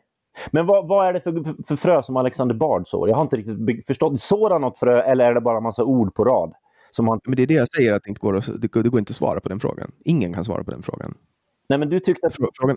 Ja, men man måste ha sått någon sorts frö hos dig. Nej men alltså ja, jag har ju, jag har ju liksom fått ett annat perspektiv på världen av att träffa honom. Han är ju, en, alltså, han är ju storslagen i sin framgång. Ja. Det han har gjort. Ja, det kan man inte ta Och det är inspirerande för mig. Att se hur en människa eh, bara med sin kreativitet kan skapa saker ur tomma luften som påverkar en värld så pass mycket att han har eh, inflytande, makt och pengar. Alltså det, ja, men... han, han har med sitt tankegods blivit en känd person och bara det för mig kan ja, Men är det vara tankegodset en... eller är det att han har en rolig hatt och är kul i tv? Jag tror att det är mera hans tankegods än att han har haft roliga hattar i tv som har gjort att han har blivit känd. Men vilket är Faktiskt. hans tankegods? Han pratar väldigt mycket om eh, libido. Ja, eh, och det var jävligt intressant. Du, du, ja, men du ställde en fråga, för han började ju med Jung och Freud. Jag menar Jung och Freud, ingen håller på med Jung och Freud längre. Så där, okej, okay, det ligger han på minus i min bok redan, det får jag väl erkänna. Men du ställde, lyckades han förklara det här? Med, för det, det jag hörde av det där samtalet, att, vad hette den? Digitala... Digital libido. Ja, digital libido. Och så handlar det om sexualitet. Falliska energier och så vidare. Ja, precis. Och så frågade du om vad det var för något och tog en Beatles-konsert som någon form av, jag vet inte, sexuell fallosenergi eller någonting. Och fem minuter, sen därifrån så hoppar han till franska revolutionen börjar prata om jakobinen och plötsligt så är han i Mongoliet och pratar om böldpesten. ja, det, vi pratar en sväng om franska revolutionen också. Ja, och där någonstans. För det var inte svar. Han, du frågade om var det där, den där fallosgrejen, han har ju fått den från Freud och så försöker han liksom yxa in den på någon sorts, jag vet inte vad han gör med det där. Men ditt svar på frågan, som jag lyckades utröna och försöka följa trådarna i det där samtalet. Svar på frågan om var den där fallosprylen är Svaret är att det var inte att det var böldpesten. Svaret är att böldpesten tog koll på det mongolska riket. ja. ja, alltså det, sen är det ju att sitta och prata med Alexander Bard. Eh, du har en man framför dig som tänker tio gånger snabbare än dig. Eh, som har extremt mycket kunskap. Det är ganska svårt att styra. Men har, jag pratar med har han så jävla mycket kunskap? Det är det jag... men jag, jag pratade med Aron Flam innan jag skulle prata med Alexander Bard innan jag skulle samtala med honom. Så ringde jag till Aron och frågade hur, är det någonting jag ska tänka på eh, med, med Alexander? Är det något perspektiv som du tror att jag borde lyfta upp som, som ingen annan har gjort innan? Och då sa han, ah, nej du behöver inte göra någonting, du behöver bara sätta på inspelningen. Ja men precis, för vad du än säger så säger han Hegel och Nietzsche och så pratar han om något annat. Det är svårt att styra Alexander Bard, ja. men, men jag fick ut jättemycket av det. Fick du det? Jag, ja, jag har haft väldigt svårt, för jag har, ja, jag är inte så... Jag kan, också, jag kan också berätta att sitta med Alexander Bard, att vara med Alexander Bard gör att man känner sig speciell och utvald. Han, hans, hans energi och hans blick fångar in en på ett sätt som gör att man känner sig speciell. Och, och jag, jag, vet flera som har, som har sagt det här, att han har ett sätt att fånga människor. Och, och um, det är fascinerande. Jag, jag, hoppas du får möjligheten att träffa honom. Ja, det har jag redan gjort. Eh, för, för vad sammanhang? Eh, det var på Heimdal, Borgerliga studentföreningen i Uppsala för 20 år sedan. Och, kände du av den där? Nej, inte direkt. Men fick du one-on-one -on -one med honom? Ja, jag pratade lite med honom efteråt. Jag tyckte inte att det var, men jag blev inte riktigt med i den, den sekten. Nej, men för jag tyckte att han sa samma saker, samma saker. Nej, men jag tycker att han jobbar lite grann som en, som en astrolog. Han kastar upp en massa grejer i luften och sen så 10-20 år senare så är det någon förutsägelse som har stämt in. Och sen så tycker han att han är bra på att förutse framtiden. Ja, så kan det vara. Men det är också en lite rolig grej som tidningarna ja. och TV4 liksom kör med. Så här att ja, men han är, han, han är eh, rolig på det sättet. Jag kan ta ett exempel som, som min farfar Hasse Svensson. Han jobbar förut då som, som chefredaktör på en tidning som heter Nya Åland. Och för exakt 40 år sedan så skrev han så här. Eh, om ett par år är hemmadatorn en innegrej också på Åland. Datorspel bidrar till underhållningen. Det finns hittills oanade varianter som till och med trollbinder traditionella dataforskare. Därefter, om bara några år, kommer industrirobotar och heltäckande kontrollsystem. Helt nya resurser inom informationsutbyte och analys. Eh, och det här gjorde då min, förutspådde min farfar 1980. Ja. Och, och det är ju klart att eh, det är lite kul cool och så, men det är ingen som ska bjuda in honom till, till en tv-soffa, för han är ju bara liksom nu har han för övrigt Alzheimers, men han är ju bara liksom en vanlig människa om man, om man ser på det sättet. Uh, men när Alexander Bard gör det, då är det lite roligare. Ja, han... För att det finns inspelat och det finns, alltså, du förstår vad jag menar? Ja, det är skillnad på vem som gör de här förut. Man blir ju inte känd för att spå framtiden, men om man är känd och spår framtiden, då är det ju ett roligt nöjesinslag. Ja, precis. Så det, ja, ja, men ser man Alexander Bard som ett roligt nöjesinslag så är det okej, okay. men jag har ju svårt att hitta det stora värdet i hans tankegods som börjar framförallt som det börjar i Jung och Freud, som väl är liksom så debankade som någon slags, några slags forskare överhuvudtaget kan bli, om man nu ens kallar dem forskare. Så framförallt så klickar ju folk på, på, på ja. rubriker som har med Alexander Bard att göra. Och det gör ju också att eh, tidningarna har incitament att skriva om honom ja. för att det driver annonsintäkter. Ja. Men vilket är tankegodset? Vad är det som, då är det mer, ja men okej, då kanske vi är överens om det också, att det är mer hans personlighet och underhållning. Jo, absolut, men sen har han ett tankegods. Jag, jag, jag, jag, jag fick ut mycket av att läsa hans bok, därför att den utmanar mig intellektuellt. Jag utvecklades som människa av att få den intellektuella utmaningen. Sen skulle inte jag ha läst den här boken om det inte var Alexander Bard som hade skrivit den. Ja, nej, men jag tycker ja, okej. Ja, jag, det jag har läst av honom har inte gett speciellt mycket och de förutsägelser som han har gjort i... För jag fick ju följa det lite grann i hans förutsägelser. För det hans stora förutsägelser då, för 20 år sedan, om den digitala revolutionen och allt det där, var att det som skulle hända var att ja, men det här med kulturella bubblor skulle upphöra. Att vi skulle få en, och det, vill ha, det har han väl fått av Hegel. Men, men att i och med att alla kan filma allting, lägga ut allting på sociala medier, det fanns ju inte ens sociala medier då, men dela med sig till det överallt så skulle det bli en enda stor kultur. Det skulle inte vara bubblor där man i Somalia lever i en kultur, bland raggare lever i en kultur, bland andra människor som tycker ungefär likadant lever i en sorts bubbla. Det var hans stora förutsägelse då. Det tänkte jag, det skulle jag fundera lite på hur det blev. Ja, nej, det har ju inte, alltså, världen är ju mer connectad än vad den någonsin har varit, men, men det gör ju också att folk hittar, alltså typ cosplay och sånt, du vet, tjejer som klär ut sig till ja. anime-karaktärer. Man lever folk nu mer än någonsin i sina bubblor och utsätts, i alla fall här i väst, för, för mindre andel. Nu gör ju ni med samtalsaktivismen en, en en insats i den riktningen. Men är det inte mer så än någonsin att dårar som har en väldigt, väldigt smal uppfattning som nästan ingen tror på kan hitta en massa andra dårar som har en väldigt, väldigt smal uppfattning som ingen tror på. Sen så bara bekräfta varandras uppfattningar. Ja, och, absolut. Och ingen ifrågasätter, för då åker man ut om det från de här Facebook-sidorna. Men så är det. Så, Så är det absolut. så lite blev det tvärtom mot vad Alexander Det Bard är ju både på gott och ont. Alltså det finns Ja. ju människor som hittar sammanhang idag som, som de aldrig skulle hitta utan internet. Ja, det, men det är bra och dåligt. Jag säger inte det, men jag säger att hans förutsägelse då, som var hans stora förutsägelse för 20 år sedan, det blev inte riktigt så. Nej, men sen, sen har vi ju också att vi kanske är mera united i den mån. Alltså kollar du till exempel den största faktorn varför dialekter slås sönder.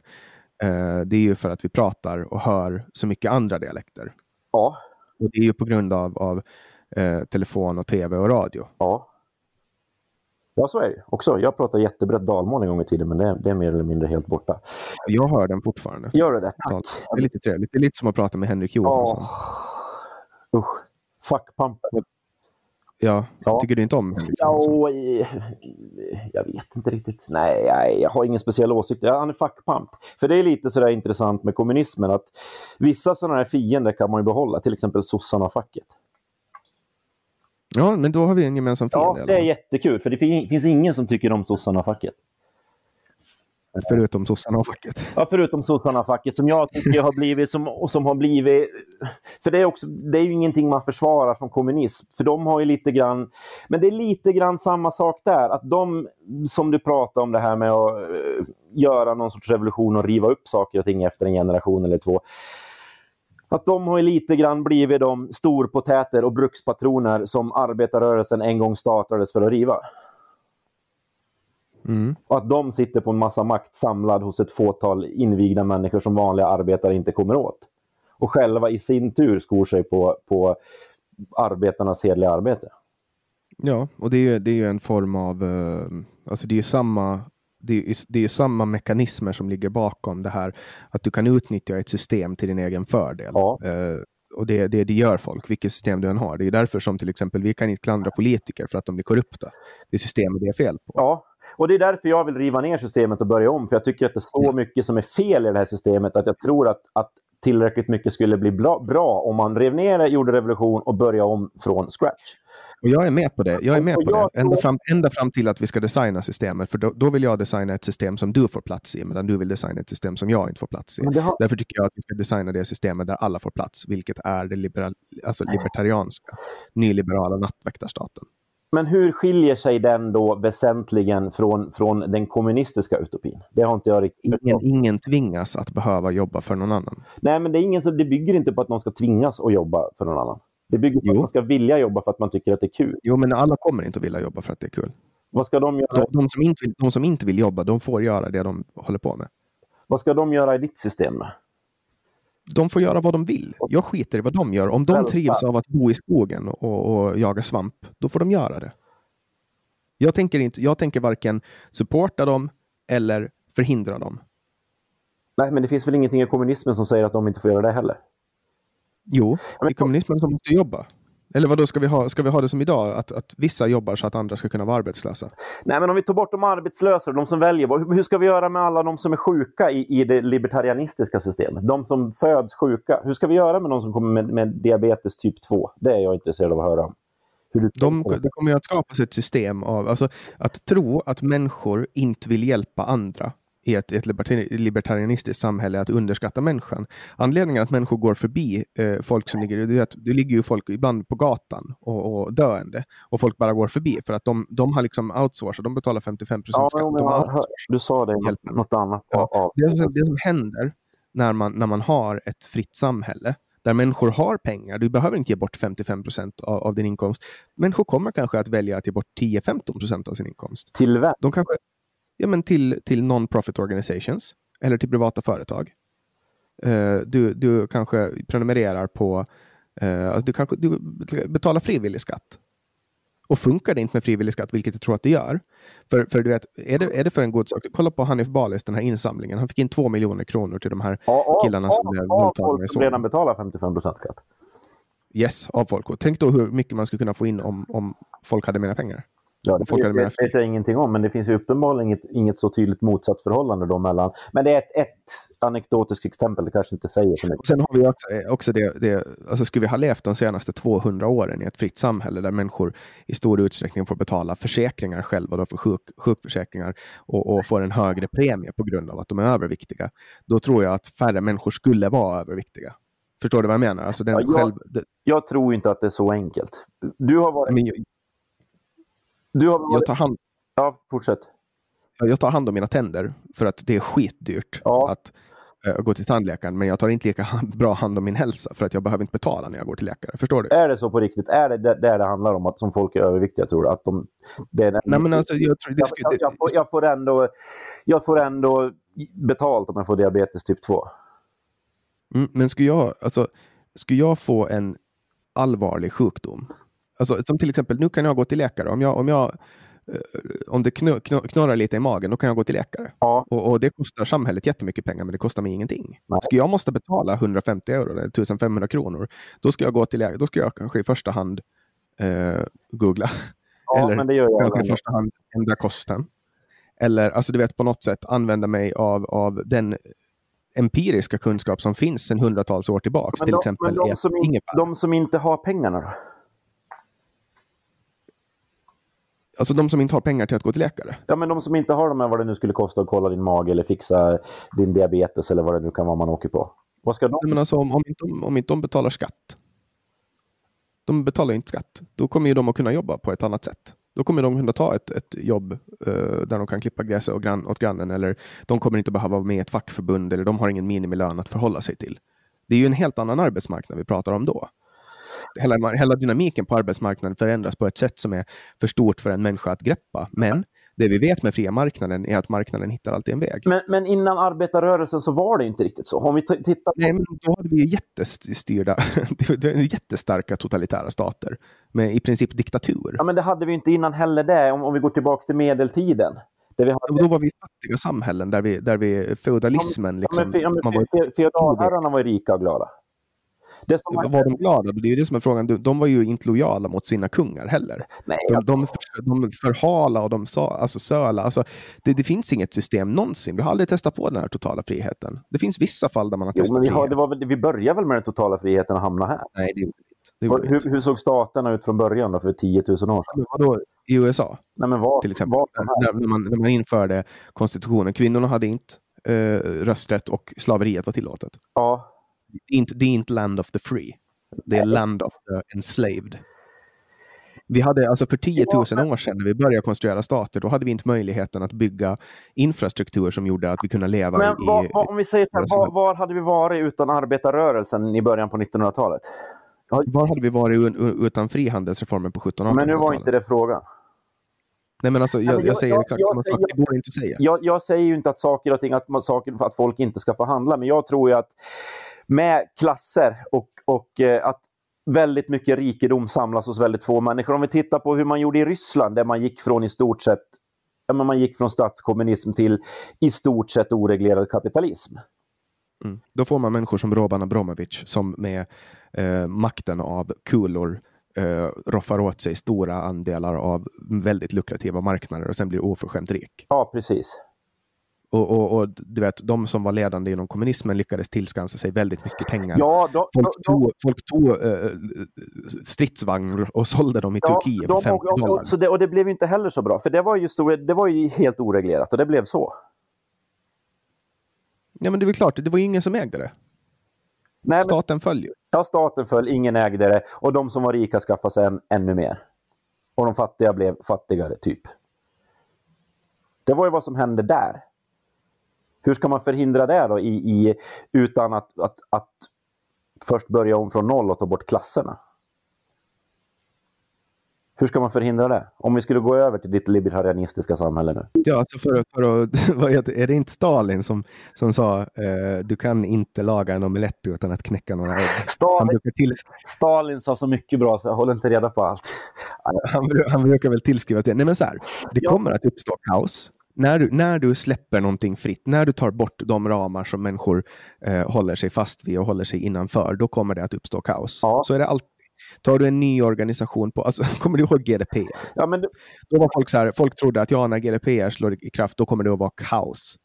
Eh, och, så, och sen var allting bara som normalt. Det var inget som hände efter det. Har du hört någon som har klagat på hur hemskt det är med GDPR efter? nej, jag, Kontra- jag, jag klagar inte innan heller. Vem fan var det? Jag hörde ingen som klagade på det. Ja, det var det enda jag hörde. Jag jobbade på ett, ett stort företag i Stockholm då. Det var det enda folk pratade om. Och Men, men sen till exempel eh, millenniebuggen. Folk pratar om det så satan om och så, Men det "Ja, händer kommer- ju och ingenting. Nej, exakt.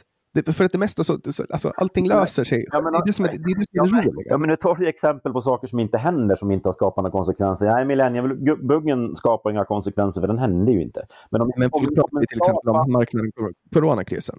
Marknaden kommer att krascha. Vi kommer aldrig att klara av eh, det här och, som samhälle och vi, det går helt okej. Det har vi inte vi- det, folk har vant sig. Det har vi inte sett än. I och för sig, det dröjer väl något eh, år, halvår, år till innan vi ser, ser effekterna av det. Men, Men du kommer ihåg när börsen började rasa där? Var det slutet på februari? Nej, det var början på, mitten på mars. När börsen började rasa. Folk fick ju panik. Ja, ja men, men, hur ska man göra? Va, va, hur, ska, hur ska man göra för att inte... Du menar då att rika människor ska tänka att ah, men nu räcker det, så här mycket pengar vill inte jag ha, nu börjar jag dela med mig istället. Nej, men förbjud kreditexpansion. Inför guldmyntfoten. Det är, två, det är två ekonomiska reformer som jag skulle eh, vilja sätta på plats direkt. Och vad skulle det förändra? De som redan har mycket har ju fortfarande mer. Ska deras pengar då, deras kreditpengar, ska de då bli värdelösa? Nej, men frågan Nej, är... men alltså, jag, jag vet inte hur man reformerar. Jag vet bara att det är ett dåligt system att vi tillåter kreditexpansion. Mycket dåligt. Varför? Nu, ska, nu är jag inne på kapital... Ja, men vad är alternativet? Men du känner till? eh, Ja, du känner till ja jag har läst Ja. nationalekonomi. Jävligt basic, men jag har läst hur jag vet hur det Ja, men då, då, vi, vi drar det snabbt för lyssnarna. Alltså kreditexpansion, när man pratar om kreditexpansion pratar man om det faktum att när en, en person går till banken och tar ett privatlån, då behöver banken bara säkra, behöver bara ha 20 procent av lånet. Så om du tar en miljon kronor i lån, då behöver banken bara ha 200 000 och resten då 80 procent av, av den här summan skapas ur tomma luften när, när pengarna överförs till eh, människan som kan, kanske då köper ett hus och så går de andra och, eh, säljaren och lägger in det på sin bank och då har man helt plötsligt skapat eh, 80 000 kronor från ingenstans. Och på det sättet så för man in nya pengar i systemet genom skuld. Och det finns alltid mera skuld än vad det finns de facto pengar. Och, och det här är någonting som driver på eh, ekonomisk tillväxt. Och ekonomisk tillväxt vet vi att det är bra. Men Eh, vad händer om människor gör en bankrun? Vad händer om saker som till exempel eh, bolånebubblan 2008 när den sprack? Eh, när folk hade övervärderade fastigheter och så vidare. och så vidare. Det leder till ekonomiska kriser. Alltså har man, har man en guldmyntfot där, där all valuta eh, säkras mot fysisk edelmetall eh, i form av då guld och silver och koppar. Eh, och sen har man eh, för man förbjuder kreditexpansion. En bank får inte låna ut pengar de inte har. En bank får inte skapa pengar. Då kommer vi att få ett mer stabilt ekonomiskt system. Det är en, en grundläggande reform som vi kan göra direkt. Eh, där vi, för att det är bättre, tror jag, att vi har ett stabilt ekonomiskt system där tillväxten är långsammare eh, men också säker. Vi slipper ha människor, tusentals människor, tiotusentals, hundratusentals, miljontals människor som hamnar på gatan och inte har råd med mat på grund av att någon eh, kokainstinnad eh, Wall Street-mäklare har gjort bort sig i New York. Ja, ja, men, eh, ja, eh, ja, men det här är också... Ja, eh, det är ju, ja, men kapitaltäckningsgrad är ju vad det heter. Och det, är ju, det är ju statligt reglerat hur mycket bank... Det är inte så att de får låna ut lite hur, som, hur de vill. Nej, men jag tycker inte att kreditexpansion ska finnas alls. Nej. Jag, tycker inte, jag tycker också att räntan ska vara helt fri. Ja, det, ja, ja men, det är också, men det är också den kapitalistiska... Det är ju girigheten som har skapat det här också som har gjort att man kan bygga enorma förmögenhet på pengar som man inte har. Och sen så som man multiplicerar med varandra i all oändlighet. Ja, och hur rättvist är det? Nej. Du, du kan Nej, inte starta en bank idag. Skulle du vilja Nej, starta en bank? Skulle absolut inte rättvist. Jag är Du behöver Nej. politikers hjälp. Ja, nej men nej. Jag är inte, tycker inte att det är rättvist. Jag tycker inte att det är bra att bankerna skor sig. Jag tycker inte att det är bra att bankerna har blivit såna jävla enorma privata banker. Har blivit enorma jävla maktkoncentrationer som de är idag så att staterna måste hålla dem om ryggen. Det är ju exakt som du säger. Kolla vad som hände när Lehman Brothers föll. Det gör de aldrig om igen. Nej. Så bankerna, de har ju någon sorts, de, har ju, de lever ju i symbios med staten. Bankerna kan i princip göra lite vad fan de vill, för bankerna vågar inte låta dem falla. Man kommer Ja, staten vågar inte låta dem. Ja, Staten lågar, staterna vå- vågar inte låta bankerna falla. De kan göra precis vad fan som helst och bara sträcka upp fingret.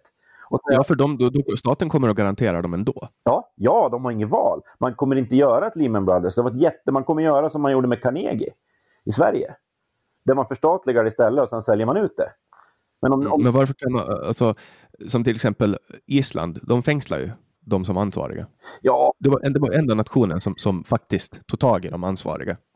Ja, ja, fast det där är också, ja precis. Men det där går ju att komma runt. För det, vad är du ansvarig för? Alltså om du, upprätthåller ett system som man vet att är ohållbart, som de här subprime-lånen. Ja. Man förstod att de var Ja. ohållbara. Ja, Och om man upprätthåller det utan att blåsa i visslan, då är man korrupt och då bör man straffas. ja, men så går det inte till. Utan det man är ansvarig för rent konkret om man jobbar i finanssektorn i Sverige, det är att följa reglerna.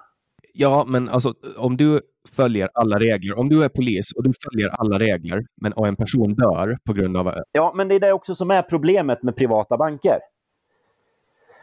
Att man kan göra så exakt som man gjorde. att okej, här får man, man får en samling regler av Finansinspektionen och ska man följa de här reglerna och så gör man vad fan man vill. Om man då kommer på något så smart som att i min kapitaltäckningsgrad, det får jag räkna in till exempel statsobligationer. För man räknar en- viss andel procent. Om jag äger en guldtacka, men då kan jag räkna in 100 procent av det värdet i kapitaltäckningsgraden. Och kapitaltäckningsgraden i sin tur avgör hur mycket jag får låna ut. Om jag får behålla 20 procent av de pengarna eller 30 som du pratar om. Om man då kan räkna ut som privat här att att ja, men jag kan tjäna fan så mycket mer pengar, för jag kan låna ut pengar till Grekland, för det går ju snart, det blir ju, en, ja, men det är ju snart, eh, de är ju konkursmässiga. Så då får jag 11% i ränta. Jämfört med att låna ut pengar till Schweiz och få 0,5 Ja. Samtidigt som jag får räkna in det, till den, den, det värdepappret till 100% i min kapitaltäckningsgrad. Är du med på hur det funkar? Ja. Ja, så tjänar jag 11% där, fast jag egentligen på papper inte har ökat risken. Ja, Ja. men tänk då om, om, tänk då Ja, om det skulle vara fri räntesättning. Ja, Du fick sätta Ja. räntan helt fritt. Då skulle, ju, då skulle ju folk tävla om att eh, bedöma risker och, och dela ut till de Ja, som de och, det, alltså, och det har ju banker i Sverige för länge. De bedömer ju inte risk längre. De följer Nej, regler, och- de skiter i att bedöma risk. Och har du taskig kreditvärdighet så får du ingen risk överhuvudtaget. Men det var, det, var ju därför, det var därför man på 80-talet kunde gå och ta ett banklån. ja, Så det kan du inte idag. nej. Men, men ta till exempel EU som exempel nu, de här coronalånen. Du, du, känner du till hur, hur, varför alla var så snabba med att skriva under? Nej, det gör jag inte. Nej. Därför att man, man säkrar lånen mot EUs budget. Ja, Man säkrar lånen mot, mot staternas medlemsavgifter. ja. Alltså, och det här snärjar ju in folk djupare i systemet. Det Ja. gör ju att man har jättemycket att förlora att lämna EU. Men hur har det här, jag menar, vad, vad, vad är det vi är oense om här då? Jag tror inte att vi är o- Jag tror att vi båda tycker att det här är ett skitdåligt Ja, det är ett ekonomiskt system. ekonomiskt system. Och vi Men jag tror, jag tror inte att du är kommunist. tror du inte att jag är kommunist? Nej, jag tror fan inte att du är kommunist. Varför inte? Usch, det, där var det, det var det elakaste du har sagt idag. Ja, men alltså, jag tror... Jag, Nej men okej, nej, nej, nu blev det intressant. Fan, jag blir ledsen. Ja, men jag känner inte att du är kommunist. Men varför Alltså, jag, har aldrig någonsin, jag har aldrig någonsin kunnat prata om, eh, om det monetära systemet med en kommunist Nej, på ett sätt det, där det, är kanske, det, kanske det, enda jag, det enda, enda, enda, enda lilla jag kan bidra med till det här samtalet är att någon kanske tänker att kommunister kanske inte är exakt som vi tror att kommunister är. Ja, Men du far ju med sanning. Och får jag inte det? Jag blir arg på det nu också. Du säger, Nej, du det jag säger du att, säger att, att, den fara med sanning anklagelsen. hör inte socialismen till. Nej, men, nu är det mig du pratar med. Du pratar inte med socialismen. Ja, jag far med sanning. Skjut mig, liksom. sätt mig i arbetsläger. jag vill inte göra som du. Nej, Nej, men alltså, jag, jag tycker, nej jag tycker när, är man, att, att, när är man kommunist då? när man tror att staten är Gud, när staten kan ersätta Gud. Men det har jag aldrig trott. Jag tror inte att någon som strävar efter kommunismen vill det. Staten är ju inget... Staten, om vi tittar på, på kommunismen och metoderna. Vi har ju i stort sett samma verklighetsbeskrivning. Vi har i stort sett samma slutmål. Det är inte så jättestora skillnader i värderingar mellan dig och mig, tror jag. Mer än, ja, kanske. Men, men framförallt så handlar det, det handlar om synen om vilken tro på vad människorna gör och metoden och vägen dit. Jag tror att människan kan äga tillsammans på fri vilja och du vill tvinga folk att äga tillsammans. Nej, men jag vill inte Det är skillnaden. jag vill inte tvinga folk att äga tillsammans. Jag tror, är det jag, tror, jag, tror, jag tror ju att, jo, jag tror ju att klasserna, samhällsklasserna står i vägen för människors möjlighet att på ett rättvist och demokratiskt sätt äga saker tillsammans. Och därför måste samhällsklasserna tas bort. Och hur gör vi det? Genom en revolution? Och den revolutionen, kan du beskriva den? Nej. Ska vi storma Bastiljen? Eh, det låter ganska kul och äventyrligt. Men nu, är det, nu, har, nu har du blivit insättad av Alexander Bard. Nu håller du på att snacka franska revolutionen och Napoleon hela tiden. Ja, men det är ett av mina, det är ett av mina största intressen. Napoleon är Eh. jättefascinerande. Ja, alltså, de, de senaste tio dagarna har jag läst fyra böcker om franska revolutionen och Napoleon. Ja, Napoleon är jätte, en av mina favorit personer, historiska personer. Jättespännande, jätteintressant. Man kan lära sig mycket av honom. Och det kanske man kan, det har jag inte försökt. Men alltså franska revolutionen är, alltså det är ju där jag anser att det är den absolut viktigaste händelsen i eh, världshistorien. Eh, och allting, man kan ta avsteg, man kan förstå vårt samhälle genom att förstå franska revolutionen. Men det var väl vad... vad... Det skulle ju oftast beskriv, beskrivas som en socialistisk eller kommunistisk revolution eller folkets övertagande av eller störtande av de rika, eller? Det som hände var ju att det kom snett. en ny överklass. Ja, Alltså- det gick ju lite snett där. Ja, nej, men det var ju, alltså det som hände var att man hade absolut ingen förståelse för människorna. Man förstod verkligen inte vad det var som hände. Eh, och det, det där var ju liksom paradigmskiftet från att eh, för att hela, överallt i Europa så slutar ju folk tro att, att kungamakten kom från Gud. Du vet, det var när, när massan insåg att okej, men kungamakten kommer inte från Gud, vi kan få välja våra ledare. Det var ju så hela den här grejen egentligen, alltså det finns många, många olika anledningar till, till franska revolutionen, men det var en stor sak. Det var ju så, samma sak som i Sverige. Det var ju då, det var ju då alltså, kung, alltså Gustav Adolf den fjärde, Gustav den fjärde Adolf var den sista kungen som fick sin makt från Gud. Eh, sen, sen fick eh, hertig Karl då och, och sen då eh, Bernadotte eh, fick sin makt av folket. Bernadotte var väl den första. Och eh, han fick den inte av Gud. Nej, det kanske inte fick. Och sen dess har alla kungar i Sverige fått sin makt av folket och sen på 70-talet så slutade, tog folket tillbaka makten Ja, och gav den till riksdagen, regeringen liksom, och den dömande makten. Så det, det är där allting har börjat och det är ändå så pass närtid. Alltså, jag har träffat folk som har träffat folk som levde under Napoleons härjningar. Ja, det är inte så. Det har du också. Ja, ja, Och det är ganska coolt, Ja, det är, eller hur? ja, det är ganska coolt om man tänker så. Det är jättecoolt. Men, men fortfarande, det var väl fortfarande... Vad, vad, din invändning mot kommunismen är att du tror att jag vill ha en stor stat som tvingar folk att göra saker. Ja, prove me wrong. Nej, jag, jag kan bara säga, nej men det vill jag inte ha. Det, den grejen är, det är ingen som, som försvarar Stalin idag. Okej, du vill ha en liten stat? Jag vill ju ha arbetare, människor som samarbetar tillsammans för att de vill samarbeta tillsammans och fattar rimliga beslut utifrån det bästa för alla. Och Tänk om, vi får, tänk om vi får det så bra ställt då att vi har all mat och vi har robotar som gör allting, att vi behöver inte jobba. Vem, ska, vem är arbetare då? Nej, men då behöver vi inte arbeta. Då behöver vi inte bry oss. Då är det väl robotarna som arbetar. Ja, men vad då är det robotarna som ska bestämma då? Eller? Men jag pratar om arbetarna som samhällsklass. De som, som jobbar. Det, den stora massan av människor. Inte om de som... Att det handlar om att det fysiska utförandet. De som med sitt intellektuella stoft, till exempel då eh, Bill Gates, Ja, men- som har skapat som extremt Ja mycket men, värde. ja, men som du själv säger hade gjort det även ut om man inte hade fått en jävla massa pengar för Men Bill Gates har gjort mer för världen än vad, än vad eh, hu- hundratusentals människor tillsammans har gjort. Ja, fast du säger ju att han, har- han, om han ger bort 99 procent av sin förmögenhet så, hade, så gjorde han det ändå inte för pengarna. Så varför ska han också kunna tjäna en massa pengar på det om han drevs av något annat? För att han lever i ett system som, där man får pengar och eh, kändisskap. I, alltså, det är det man får när man gör någonting innovativt, någonting stort. Det är så, Elon Musk, han, han får ju pengar och, och kändisskap. Det är, vad ska man säga, det som konsekvensen Men av hade- att göra någonting bra. Men om han hade tjänat sig 80 000 i månaden, hade inte det räckt för Elon Musk? Antagligen. Antag nej, nej, det hade det inte. För då hade inte han kunnat skjuta upp raketer på egen risk. Han sköt ju upp två raketer som sprängdes. Eller var det tre Ja, som det är sprängdes? ett jävla bra argument för kapitalismen. Vi kan skjuta upp raketer som sprängs. Ja, men vadå, Ja, han lär ju sig. Det var ju samma sak bara för någon vecka sedan. Så sköt han upp en raket och eh, den, den exploderade. Och då lärde han sig vad han inte ska göra nästa gång. Så vi ska, Att, att har, du, har du 80 000 i månaden, då Så- kan du inte skjuta upp så vi raketer. ska fortsätta förtrycka arbetsklassen för, arbetarklassen för att Elon Musk ska for, fortsätta skjuta upp raketer. Jag tror inte att man, att, att man måste förtrycka arbetarklassen för att det ska hända. Utan folk har ju köpt hans produkter frivilligt.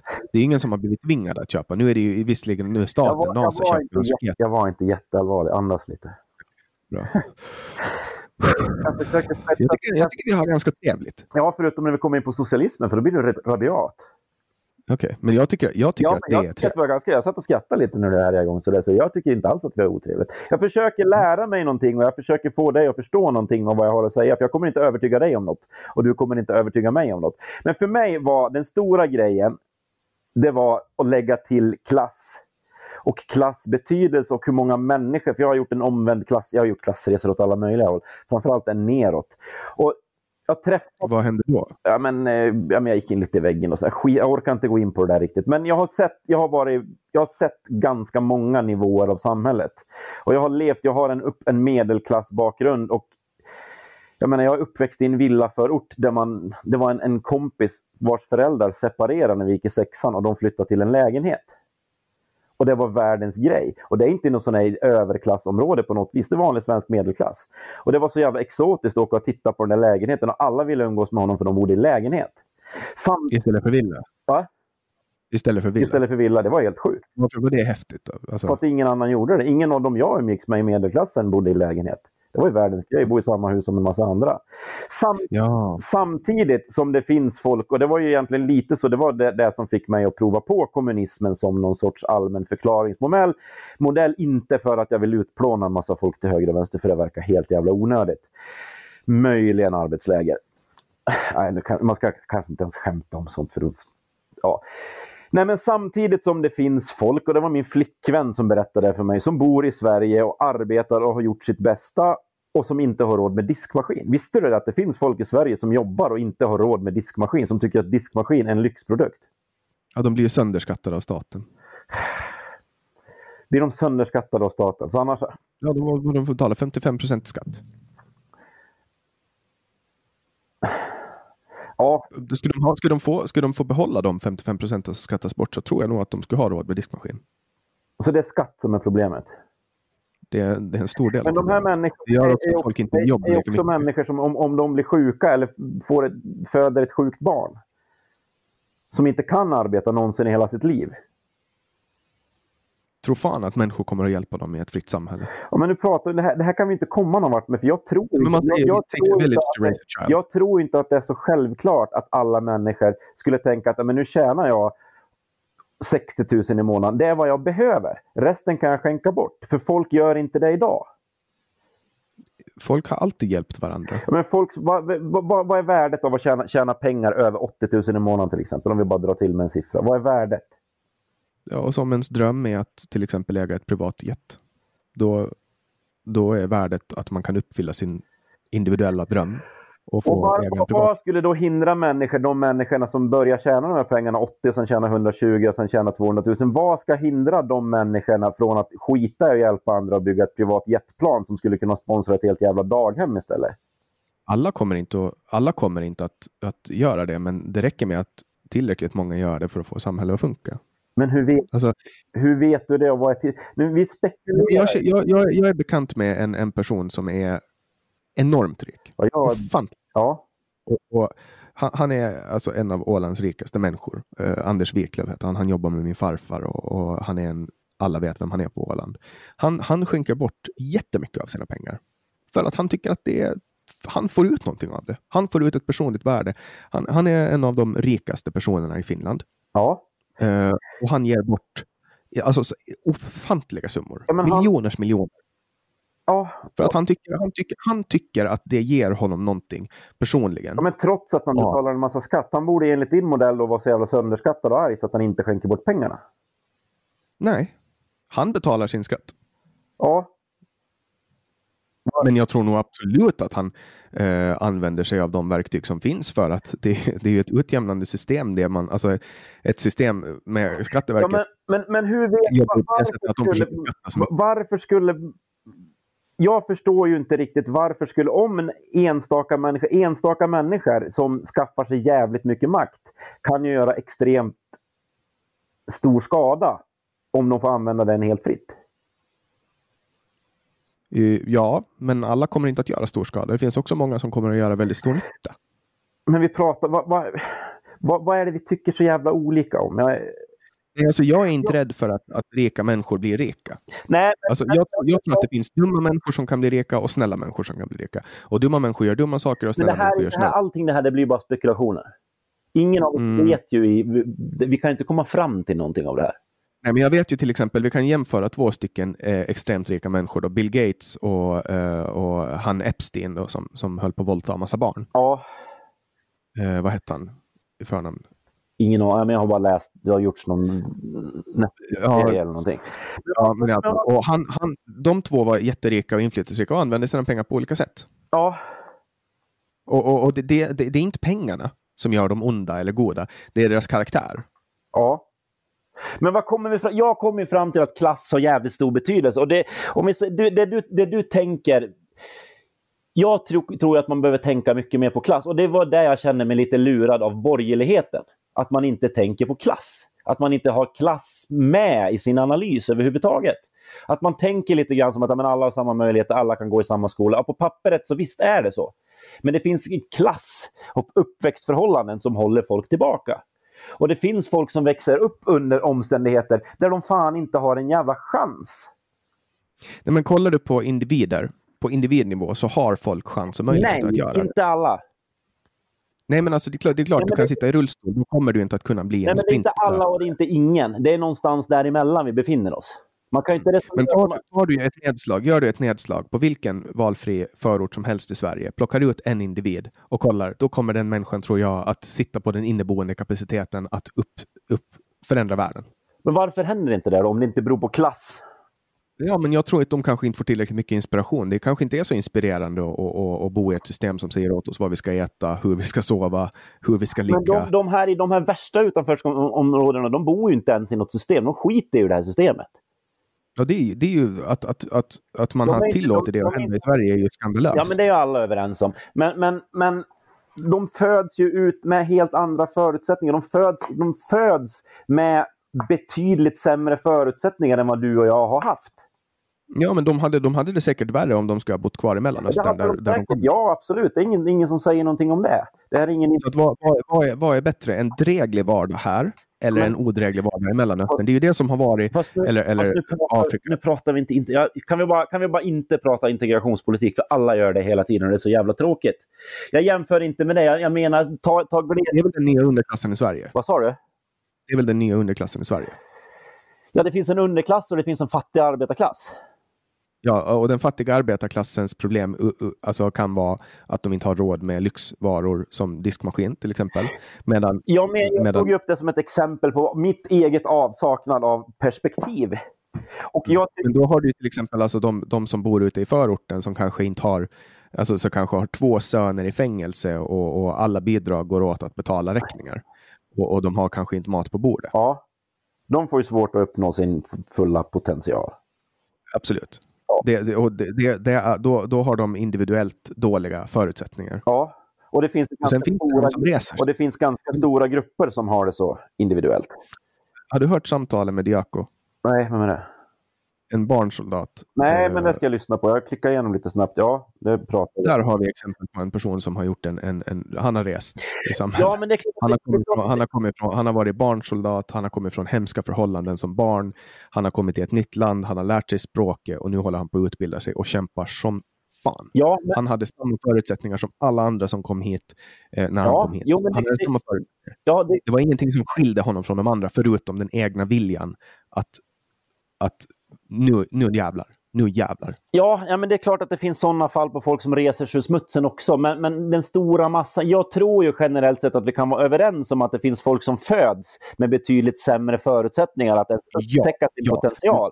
Och jag Men tycker, även om man har dåliga förutsättningar så tror jag att man kan resa sig om man har viljan. Nu gör inte alla det. nej, men det, det handlar om de som bor i fattiga glesbygden eller eh, i utanförsområden, han, utanförskapsområden. Handlar det om att de inte har viljan? Om du, om du behöver, du kommer in i de har inspirationen. De har inte inspirationen därför att vi har inte ett samhälle som, som uppmuntrar oss. Alltså vi har inte en stat som uppmuntrar oss till att betala skatt. Vi har en stat Ja. som tar pengar av oss. Ja, det kan jag också hålla med. Vi har ett skolsystem som tvingar oss. Gör det här, annars kommer vi att hämta dig. Ja.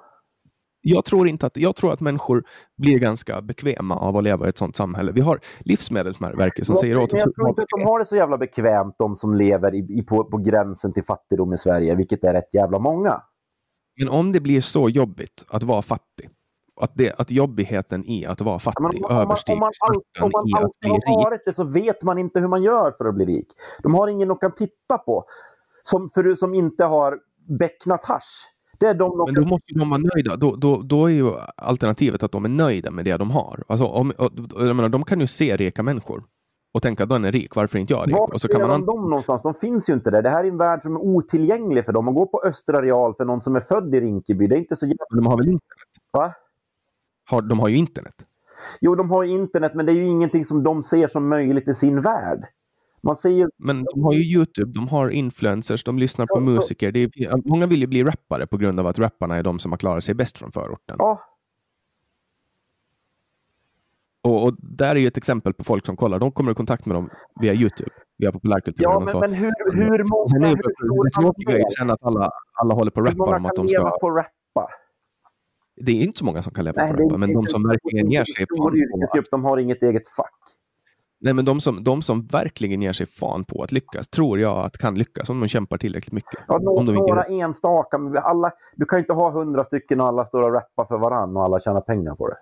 Ja, men den människan som lyckas, alltså den människan som kämpar Ja, med någonting men- kommer till sist Ja, att men, ja, men, lyckas. Om du ja, ger så, så är det säkert om man föds med fantastiska egenskaper. Och, men men men vi, vi, vi är överens om att det finns klass och att det finns, att det finns stora orättvisor. Att vissa har, har det jävligt mycket svårare än andra att uppnå, och upptäcka sin potential. Ja, jag men jag tror ju att- fortfarande att internet ger oss möjligheten att, att flera människor kan upptäcka sin eh, potential. Och Men jag om- tror att vi ska bygga ett samhälle där alla sen- kan. Sen vi fick internet och så det blir stort, har klassklyftorna ökat eller minskat?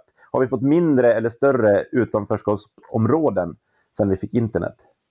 Det har ju inte bara med internet Nej, det Det har ju också med den invandringspolitik som har skett. Att man har helt taktlöst bara kastat in folk i olika förorter utan att tänka på de långsiktiga konsekvenserna. Ja, men det är ju ingen som, som säger emot heller att det var, det var fel. Eh, eller, men det, det är ingen som säger att, att det var bra. Nej, men det har inget med internet att göra. Nej, jag vet. Jag försökte göra... Alltså, vi, är så vana, vi är så vana idag med att, att det är skjutningar. Du vet, det, är, det är skjutning i snitt en gång om dagen i Sverige. Du vet, på 80-talet om det var en skjutning, då stod det i tidningen i flera veckor. Ja. Ja, Idag men, hade det skjutits någonstans. ja, nej, men fråga, ja, men och sen så kan man ha olika förklaringsmodeller för det där också. Man kan prata om integration och man kan prata om allt möjligt. Men man kan också prata om... Man kanske inte behöver, kan, man kanske inte behöver prata om antingen eller. Kan vi komma om så långt? Jag försöker ju ändå liksom hitta någonting vi kan enas i här. För vi står en bit ifrån varandra just vad det gäller socialismen märker jag. Jag tycker att vi kan enas om ganska mycket. Ja, men jag tycker ju att vi har för mycket, det är för mycket, för mycket i Sverige som är beroende av klass. Det tycker jag. Och jag tycker att vi har för stora klasskillnader. Och jag tycker att det sker en förskjutning från till exempel om vi nu tittar på en till grej som det här med LAS. Som också är ett skäl till att kommunismen behövs. Som ingen jävel... Vi gjorde den största förändringen, den största försämringen av LAS. Den största förskjutningen av makt från arbetsgivare eller från arbetare till arbetsgivare sedan LAS infördes 1974 nu under hösten. Och ingen jävel brydde sig. Så ingen, men några brydde sig, men inte så många. Det, då är det ganska handy att ha en pandemi, för då kan man liksom, du vet, stifta stora lager utan att Ja, om men, men och de som gnällde om... Ja, precis. Ja, fast det här var inte ens... Det, det gick ju inte till så. Det här gick ju till så här, om vi ska ta den grejen, som ingen har varit förbannad på. Som är... är det gick ju till så här att borgarna de tyckte att det var för dyrt för att säga upp folk. Det var för dyrt för, för arbetsgivare att säga upp folk. Så de ville ha en utredning och så hann de väl inte genomföra det här riktigt under sin mandatperiod.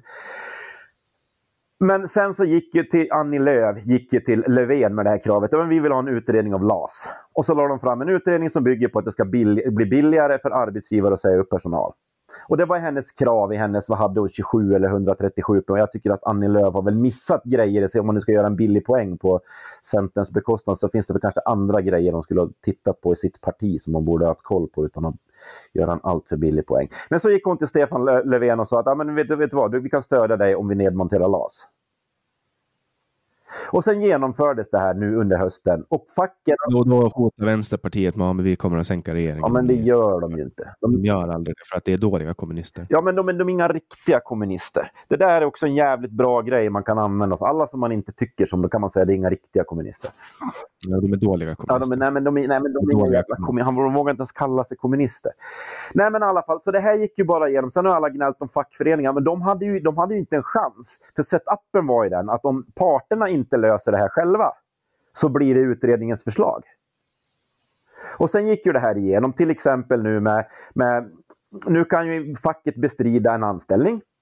Eh, eller en uppsägning. Och det som hände, det som hände innan de här nya reglerna gick igenom är att då gäller eh, anställningsavtalet fram till att man har kommit fram till en lösning. Nu blir man utan lön efter tre månader och en sån här tvist kan ta ett år. Så i praktiken så blir man uppsagd likförbannat även om man kommer fram ett år senare till att ja, men det fanns inte skälig grund för den här uppsägningen. Så har man ändå likförbannat blivit tvungen att ta ett nytt jobb. Och de här förändringarna, det gick, gick igenom förändringar i turordningsreglerna. Att istället för att det är två stycken på företag som är mindre än tio anställda så är det fem stycken på alla företag nu när man säger upp folk. Så man kan ta bort de fem, fem mest misshagliga arbetarna, vilka jävla som helst, oavsett hur stort företaget är. Så att det inte ska bli revolution. De här grejerna gick ju igenom bara utan att någon egentligen pratade om det. Jag, jag kommer ihåg att, att Vänsterpartiet lovade att de skulle sänka regeringen. Ja, men det var för att det var intressant för att sänka om regeringen. Vem är insatt i de här frågorna? Det är inte så många som bryr sig. Du är politiskt intresserad. Du har säkert läst tio gånger mer om Trump och Biden och vad fan de håller på med och hur stor påverkan har det på ditt liv eller svenska arbetares liv om fem år om det var Trump eller Biden som blev president. Det går inte ens riktigt att. Okej, Trump är en idiot, det vet alla. Men stänger man av Twitter och inte läser så mycket på Aftonbladet och Expressen så har inte Trump så stort inflytande på ens liv. Men de här sakerna... Aftonbladet och Expressen sköljer en med Trump. Ja, och, ja, och det, då läser man inte dem. Så jävla enkelt är det. Men det här hände ju i skymundan, bakom valet. Det hände ganska exakt samtidigt som det amerikanska valet. Så gör man en radikal försämring av LAS som påverkar svenska arbetare varje dag. Som ingen Vad ska man förvänta sig av den här regeringskonstellationen? Då? Vad ska man förvänta sig? Den har ju, den har ju, folk tycker att den har folkligt stöd. Det är en majoritet men... som har drivit igenom det här. Alltså, och då får man ju respektera demokratin, eller? Eller ja, så gör man revolution. Man tvingar en... Man tvi, ja, men det är förbjudet. Samhällsstörtande verksamhet är förbjudet enligt lag. Är det? Japp. Du får inte göra en statskupp. Nej, inte statskupp, men lite samhällsomstörtande verksamhet får man väl pyssla med ändå. Nope. Vem drar gränsen? Jag gör väl det nu. Jag, jag agerar ju aktivt för att omstörta samhället just nu. Hur definieras ett brott mot, vad, vad heter lagen? Alltså, ja, vi, kan, vi kan göra en live-googling. Ja, gör det. Samhällsomstörtande verksamhet. Den är säkert borttagen nu för, av, av kapitalisterna. Nej, men Nej, men det är det jag menar, att någon måste ha det perspektivet. Och jag tycker inte att någon riktigt har det perspektivet. Och det jag tycker om den här regeringen är att vi har någon slags borgerlig opposition som egentligen är ett konservativt block, fast ingen kan säga rakt ut att det är så det kommer bli. Och sen så har vi ett så kallat vänsterblock som driver en borgerlig politik för att det är vad som krävs. Så du tycker att vi har två vänsterblock, jag tycker att vi har två högerblock. Så ingen av oss är speciellt nöjd med rådande ordning. Nej. Nej, men det jag tycker så, som gör att det socialistiska och kommunistiska perspektivet behövs, det är att sådana här frågor, sånt här sker i skymundan. Det är ingen som har pratat, vad har den stora offentliga debatten om LAS varit som påverkar svenska arbetare varje dag? Hur mycket uppmärksamhet fick den i förhållande till det amerikanska presidentvalet? Och vad har störst betydelse för vanlig svensk arbetarklass? Det tycker jag är ett perspektiv som behöver lyftas och därför behövs socialismen för att lyfta perspektivet. Ja. Och sen så tycker jag att klass är en förklaringsmodell som jag känner mig lurad av borgerligheten som själv har levt med borgerligt tankegods och sagt samma saker som du. Att, ja men vad fan, alla har ju möjligheten, alla kan gå i samma skola. Ja, fast det är inte riktigt så. Det finns en ganska stor arbetarklass och underklass som inte har de möjligheterna förutom på pappret. För att de föds i fel samhällsklass. De har mycket bättre förutsättningar. Ja, teoretiskt har alla möjligheten att lyckas med vad som helst. Teoretiskt kan vem som helst bli Elon Musk som står och skjuter upp lite raketer i luften och ser dem sprängas för att han tycker det är kul. Tror du vi kan få ett samhälle där alla i praktiken har samma förutsättningar? Uh, nej, men vad menar du med för? Man har väl olika... Uh, men, tror, men du vill ha ett klasslöst samhälle? Tror du vi har... Vi kan väl, alltså, vi kan väl Alltså i sådana fall då, då kan vi klona alla nej, människor. Nej, men det tror jag inte. Men jag tror inte att du tror att vi kan få ditt libertarianska samhälle heller. Nej, men jag vill ha det. Ja, och jag vill också ha Men jag tror att, att även om du inte kommer få ditt samhälle och jag inte kommer få mitt, så kanske jag kan tycka att, att mitt socialistiska kommunistiska perspektiv ändå tillför någonting. Att man kan ha det perspektivet på det samhället vi har idag. För jag menar sannolikheten för en praktisk revolution, om vi ska vara realistiska, de är inte jättestora. Mm, nej, men det är ju ett, alltså, militära statskupper och sånt, det är ju ett föreliggande hot. I Sverige? Mm, kanske inte Sverige, men, men runt om i Europa. Vi kommunister är inte så jävla många kan jag trösta dig med. Och inte, Nej, och det är jävligt. Och inte, jävligt. och inte så beväpnade heller. Mm, ja, men det, det, det, det, var den gladaste nyheten jag har hört. Var, visste du inte? Är det en nyhet för dig att vi kommunister inte är många? Men det är det, det bästa jag har hört idag i alla fall. Trevligt. Oj, oj, vad skönt att jag fick... Nu känner jag en litet stråk av ren elakhet som kommer fram inom dig. Men vi behöver färre, färre kommunister. Men jag är här för att skapa... Men, nej, men jag... Ja, jag kommer inte skapa några kommunister här, men jag kanske kan lyfta klassperspektivet och arbetarperspektivet, för jag tycker att det behövs mer av det. Och jag tycker att man pratar för lite om klass i förhållande till hur mycket man pratar om andra frågor. Mm. Ja, jag tycker i alla fall att jag är mindre kommunist nu än vad jag var när vi började. Är du mindre kommunist nu? Ja. På vilket sätt? Uh, nej men jag har, jag, jag har liksom det tankestoftet som, som du, uh, som du uh, har, har delat med dig av får mig att cementera min frihetliga ideologi djupare. Jag vet att jag är på rätt. Eftersom... Men berätta då, vilken del av mitt tankestoft gjorde mig till att jag pratar om att det är viktigt att prata om klass som förklaringsmodell? Ja, men till exempel det. Uh, jag, jag köper inte den här biten att alla ska... Att, att, jag, vi kan inte få totalt jämlikhet. Men det är ingen som har sagt det. Det sa jag alldeles nyss att man inte behöver. Men att man kanske kan sträva ditåt. Med mindre klassklyftor. Jag tycker att vi ska sträva mot, sträva mot mer frihet. Stö men vad, vad, tycker du om klassklyftorna? Skulle de bli större eller mindre? Alltså, det som uppstår i samhället när man har ett fritt samhälle är det som får vara i samhället.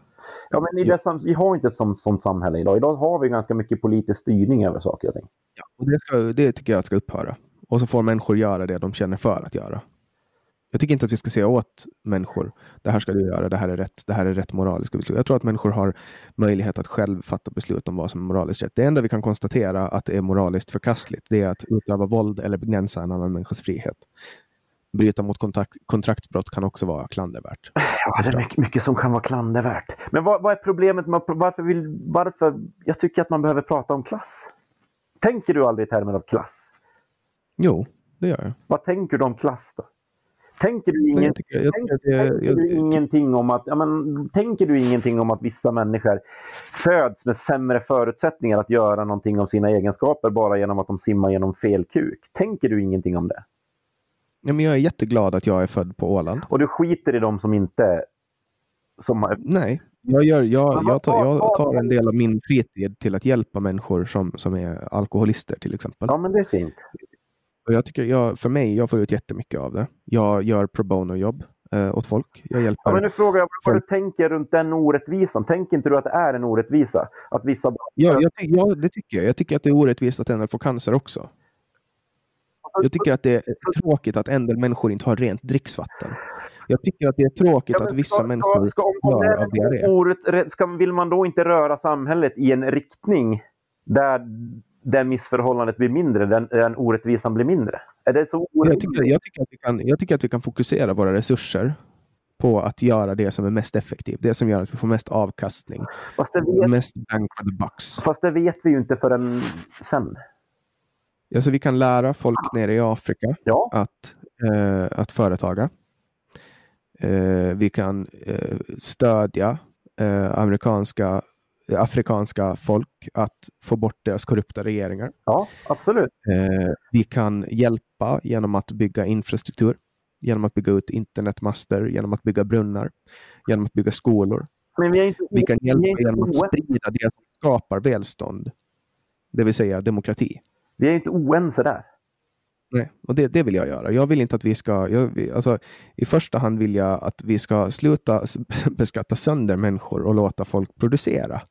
Men måste man, ja, men måste man göra det? Jag ser, det ser inte heller kopplingen om du samtidigt säger att Elon Musk och alla de här människorna som har skapat så fantastiskt mycket välstånd för alla andra hade gjort det även utan pengarna.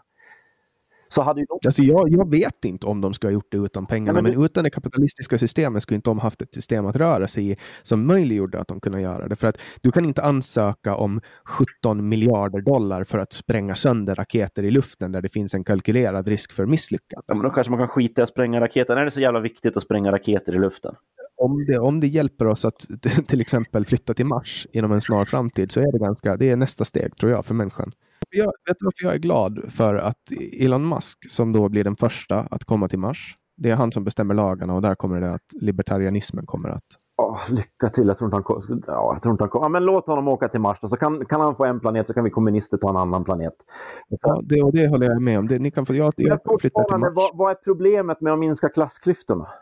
Vad skulle det göra om de som, vad skulle, de, de som tjänar riktigt mycket, varför kan inte de tjäna lite mindre om det ändå inte är pengar som... Ta inte, ta inte mina pengar och gör inte på ditt sätt. Jag gör på mitt sätt för att bidra till världen. Men, men, det är jag men utan arbetarrörelsen så hade det inte varit så mycket dina pengar.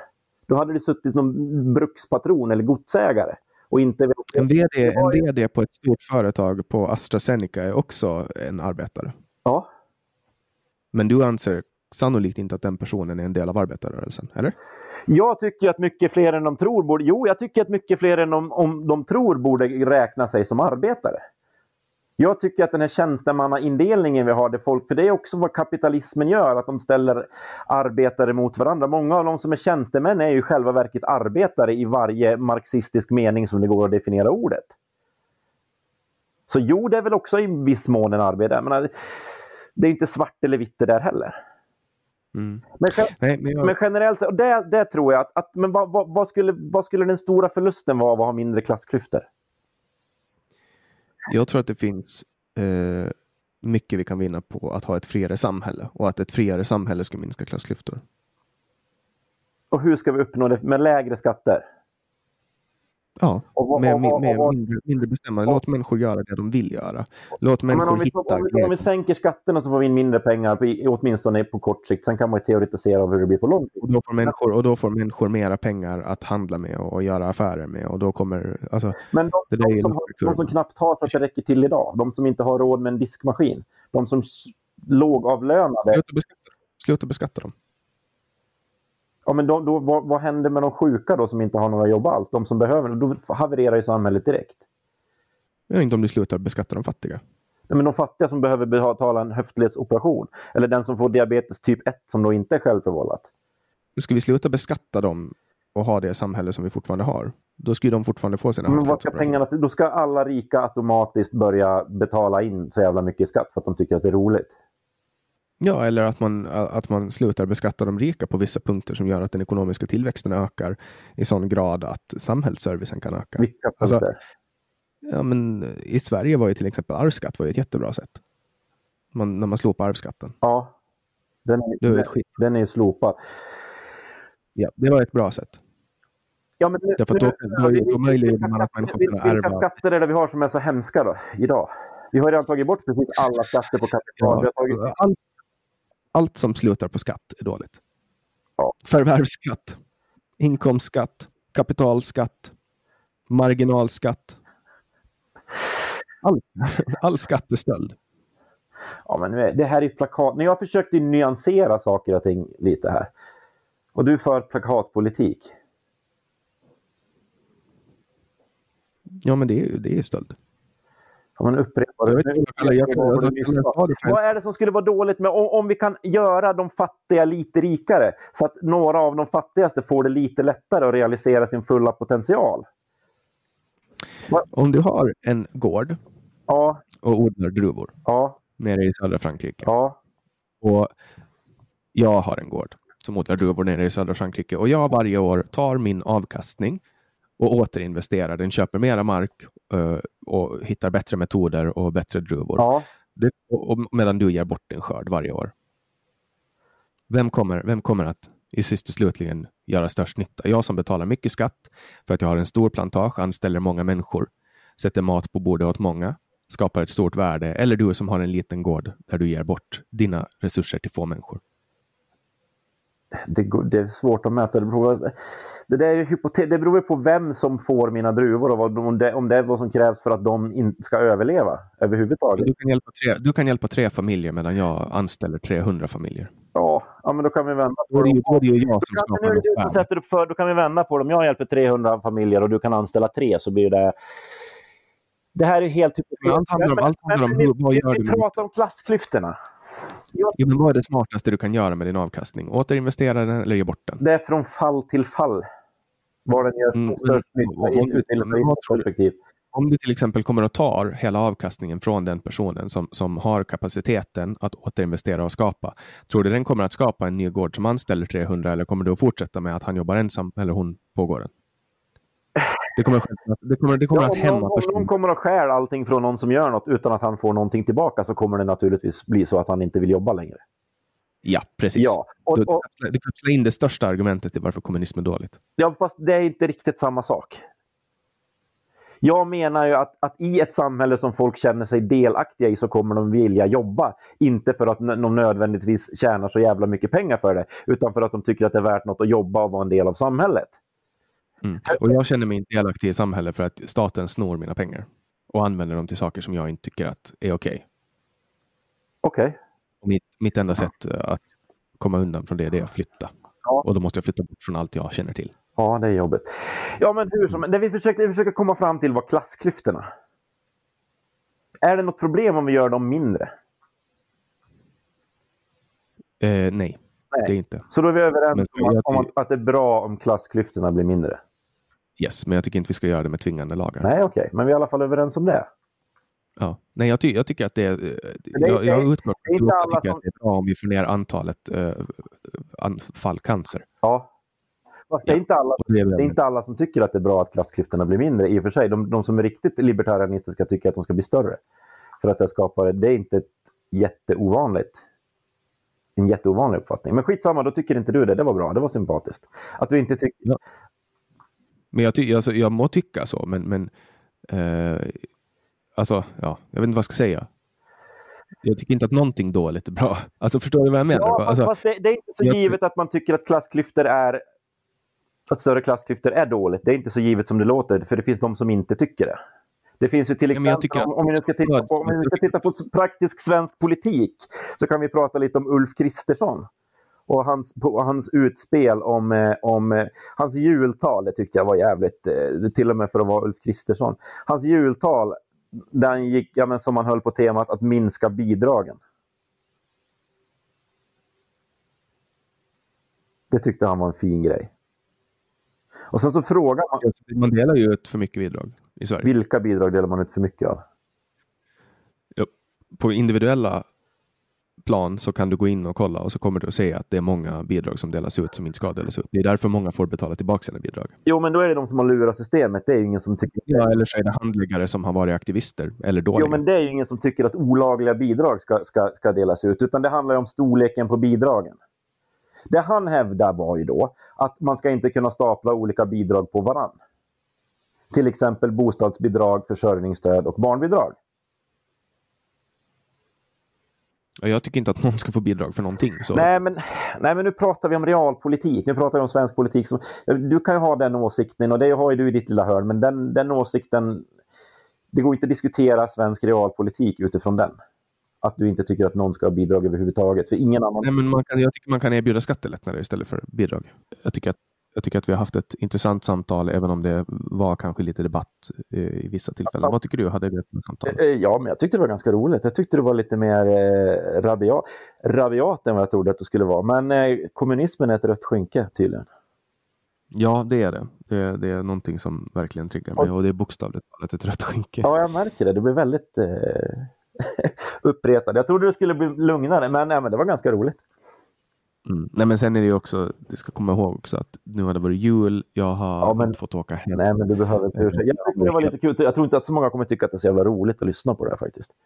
Tror du det? Ja. Det finns säkert folk som kommer att uppskatta det. Ja, jag hoppas det. Ja, men det var roligt att få vara med. Jag tycker att det är en ganska bra podd. Sen vill jag också... Ja, men, jag tycker att folk kan, få, kan folk få bilda sin egen uppfattning om kommunismen. Absolut. Det tycker jag att folk kan få. Då kan de gå in och läsa Därför är jag kommunist av Sven Wollter. Han har skrivit en jättebra artikel om det. Och så finns det... Mm. Ja, men den kan man läsa och så kan man bilda sin, sin uppfattning och så behöver man inte berätta för dig att man har blivit kommunist för då blir du så jävla arg. ja, och sen kan man också gå in och läsa Ayn Rand, Ja, det kan man, ja, det kan man också göra. bilda sin egen Ja, uppfattning. och så kan man berätta det för mig för jag blir inte arg för det. Vet du. Tusen tack Daniel för att du var med i podcasten Samtal och du som har lyssnat på det här samtalet till slutet vill jag tacka för att du har tagit dig hela vägen till slutet. Som du säkert vet så kan du ju hjälpa till att stödja det här projektet genom att gå in på patreon.com samtal Eh, eller på www.samtal.ax där du kan läsa om flera betalningsmetoder där du kan donera pengar på frivillig basis. Allt innehåll är ju gratis, men jag uppskattar om du får bra hjälp för att det här tar ju väldigt mycket av min tid. På hemsidan www.samtal.ax kan du också gå in och önska gäster. Det kan du göra genom att trycka på önska gäst, tror jag den fliken heter. Eh, jag tar alla eh, önskemål i beaktande. Sen släpper jag ju som ni har märkt nya samtal alla onsdagar året runt. Jag heter Jannik Svensson och du har lyssnat på podcasten Samtal.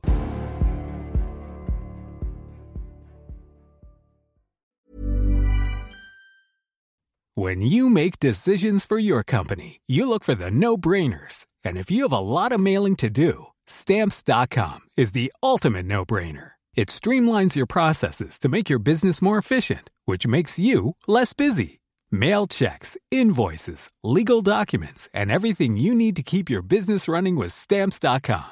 Seamlessly connect with every major marketplace and shopping cart. Schedule package pickups and see your cheapest and fastest shipping options from different carriers with rates up to 89% off USPS and UPS rates. And with the stamps.com mobile app, you can take care of mailing and shipping wherever you are. Make the same no-brainer decision as over 1 million other businesses with stamps.com. Sign up with code program for a 4-week trial plus free postage and a free digital scale. No long-term commitments or contracts. That's stamps.com.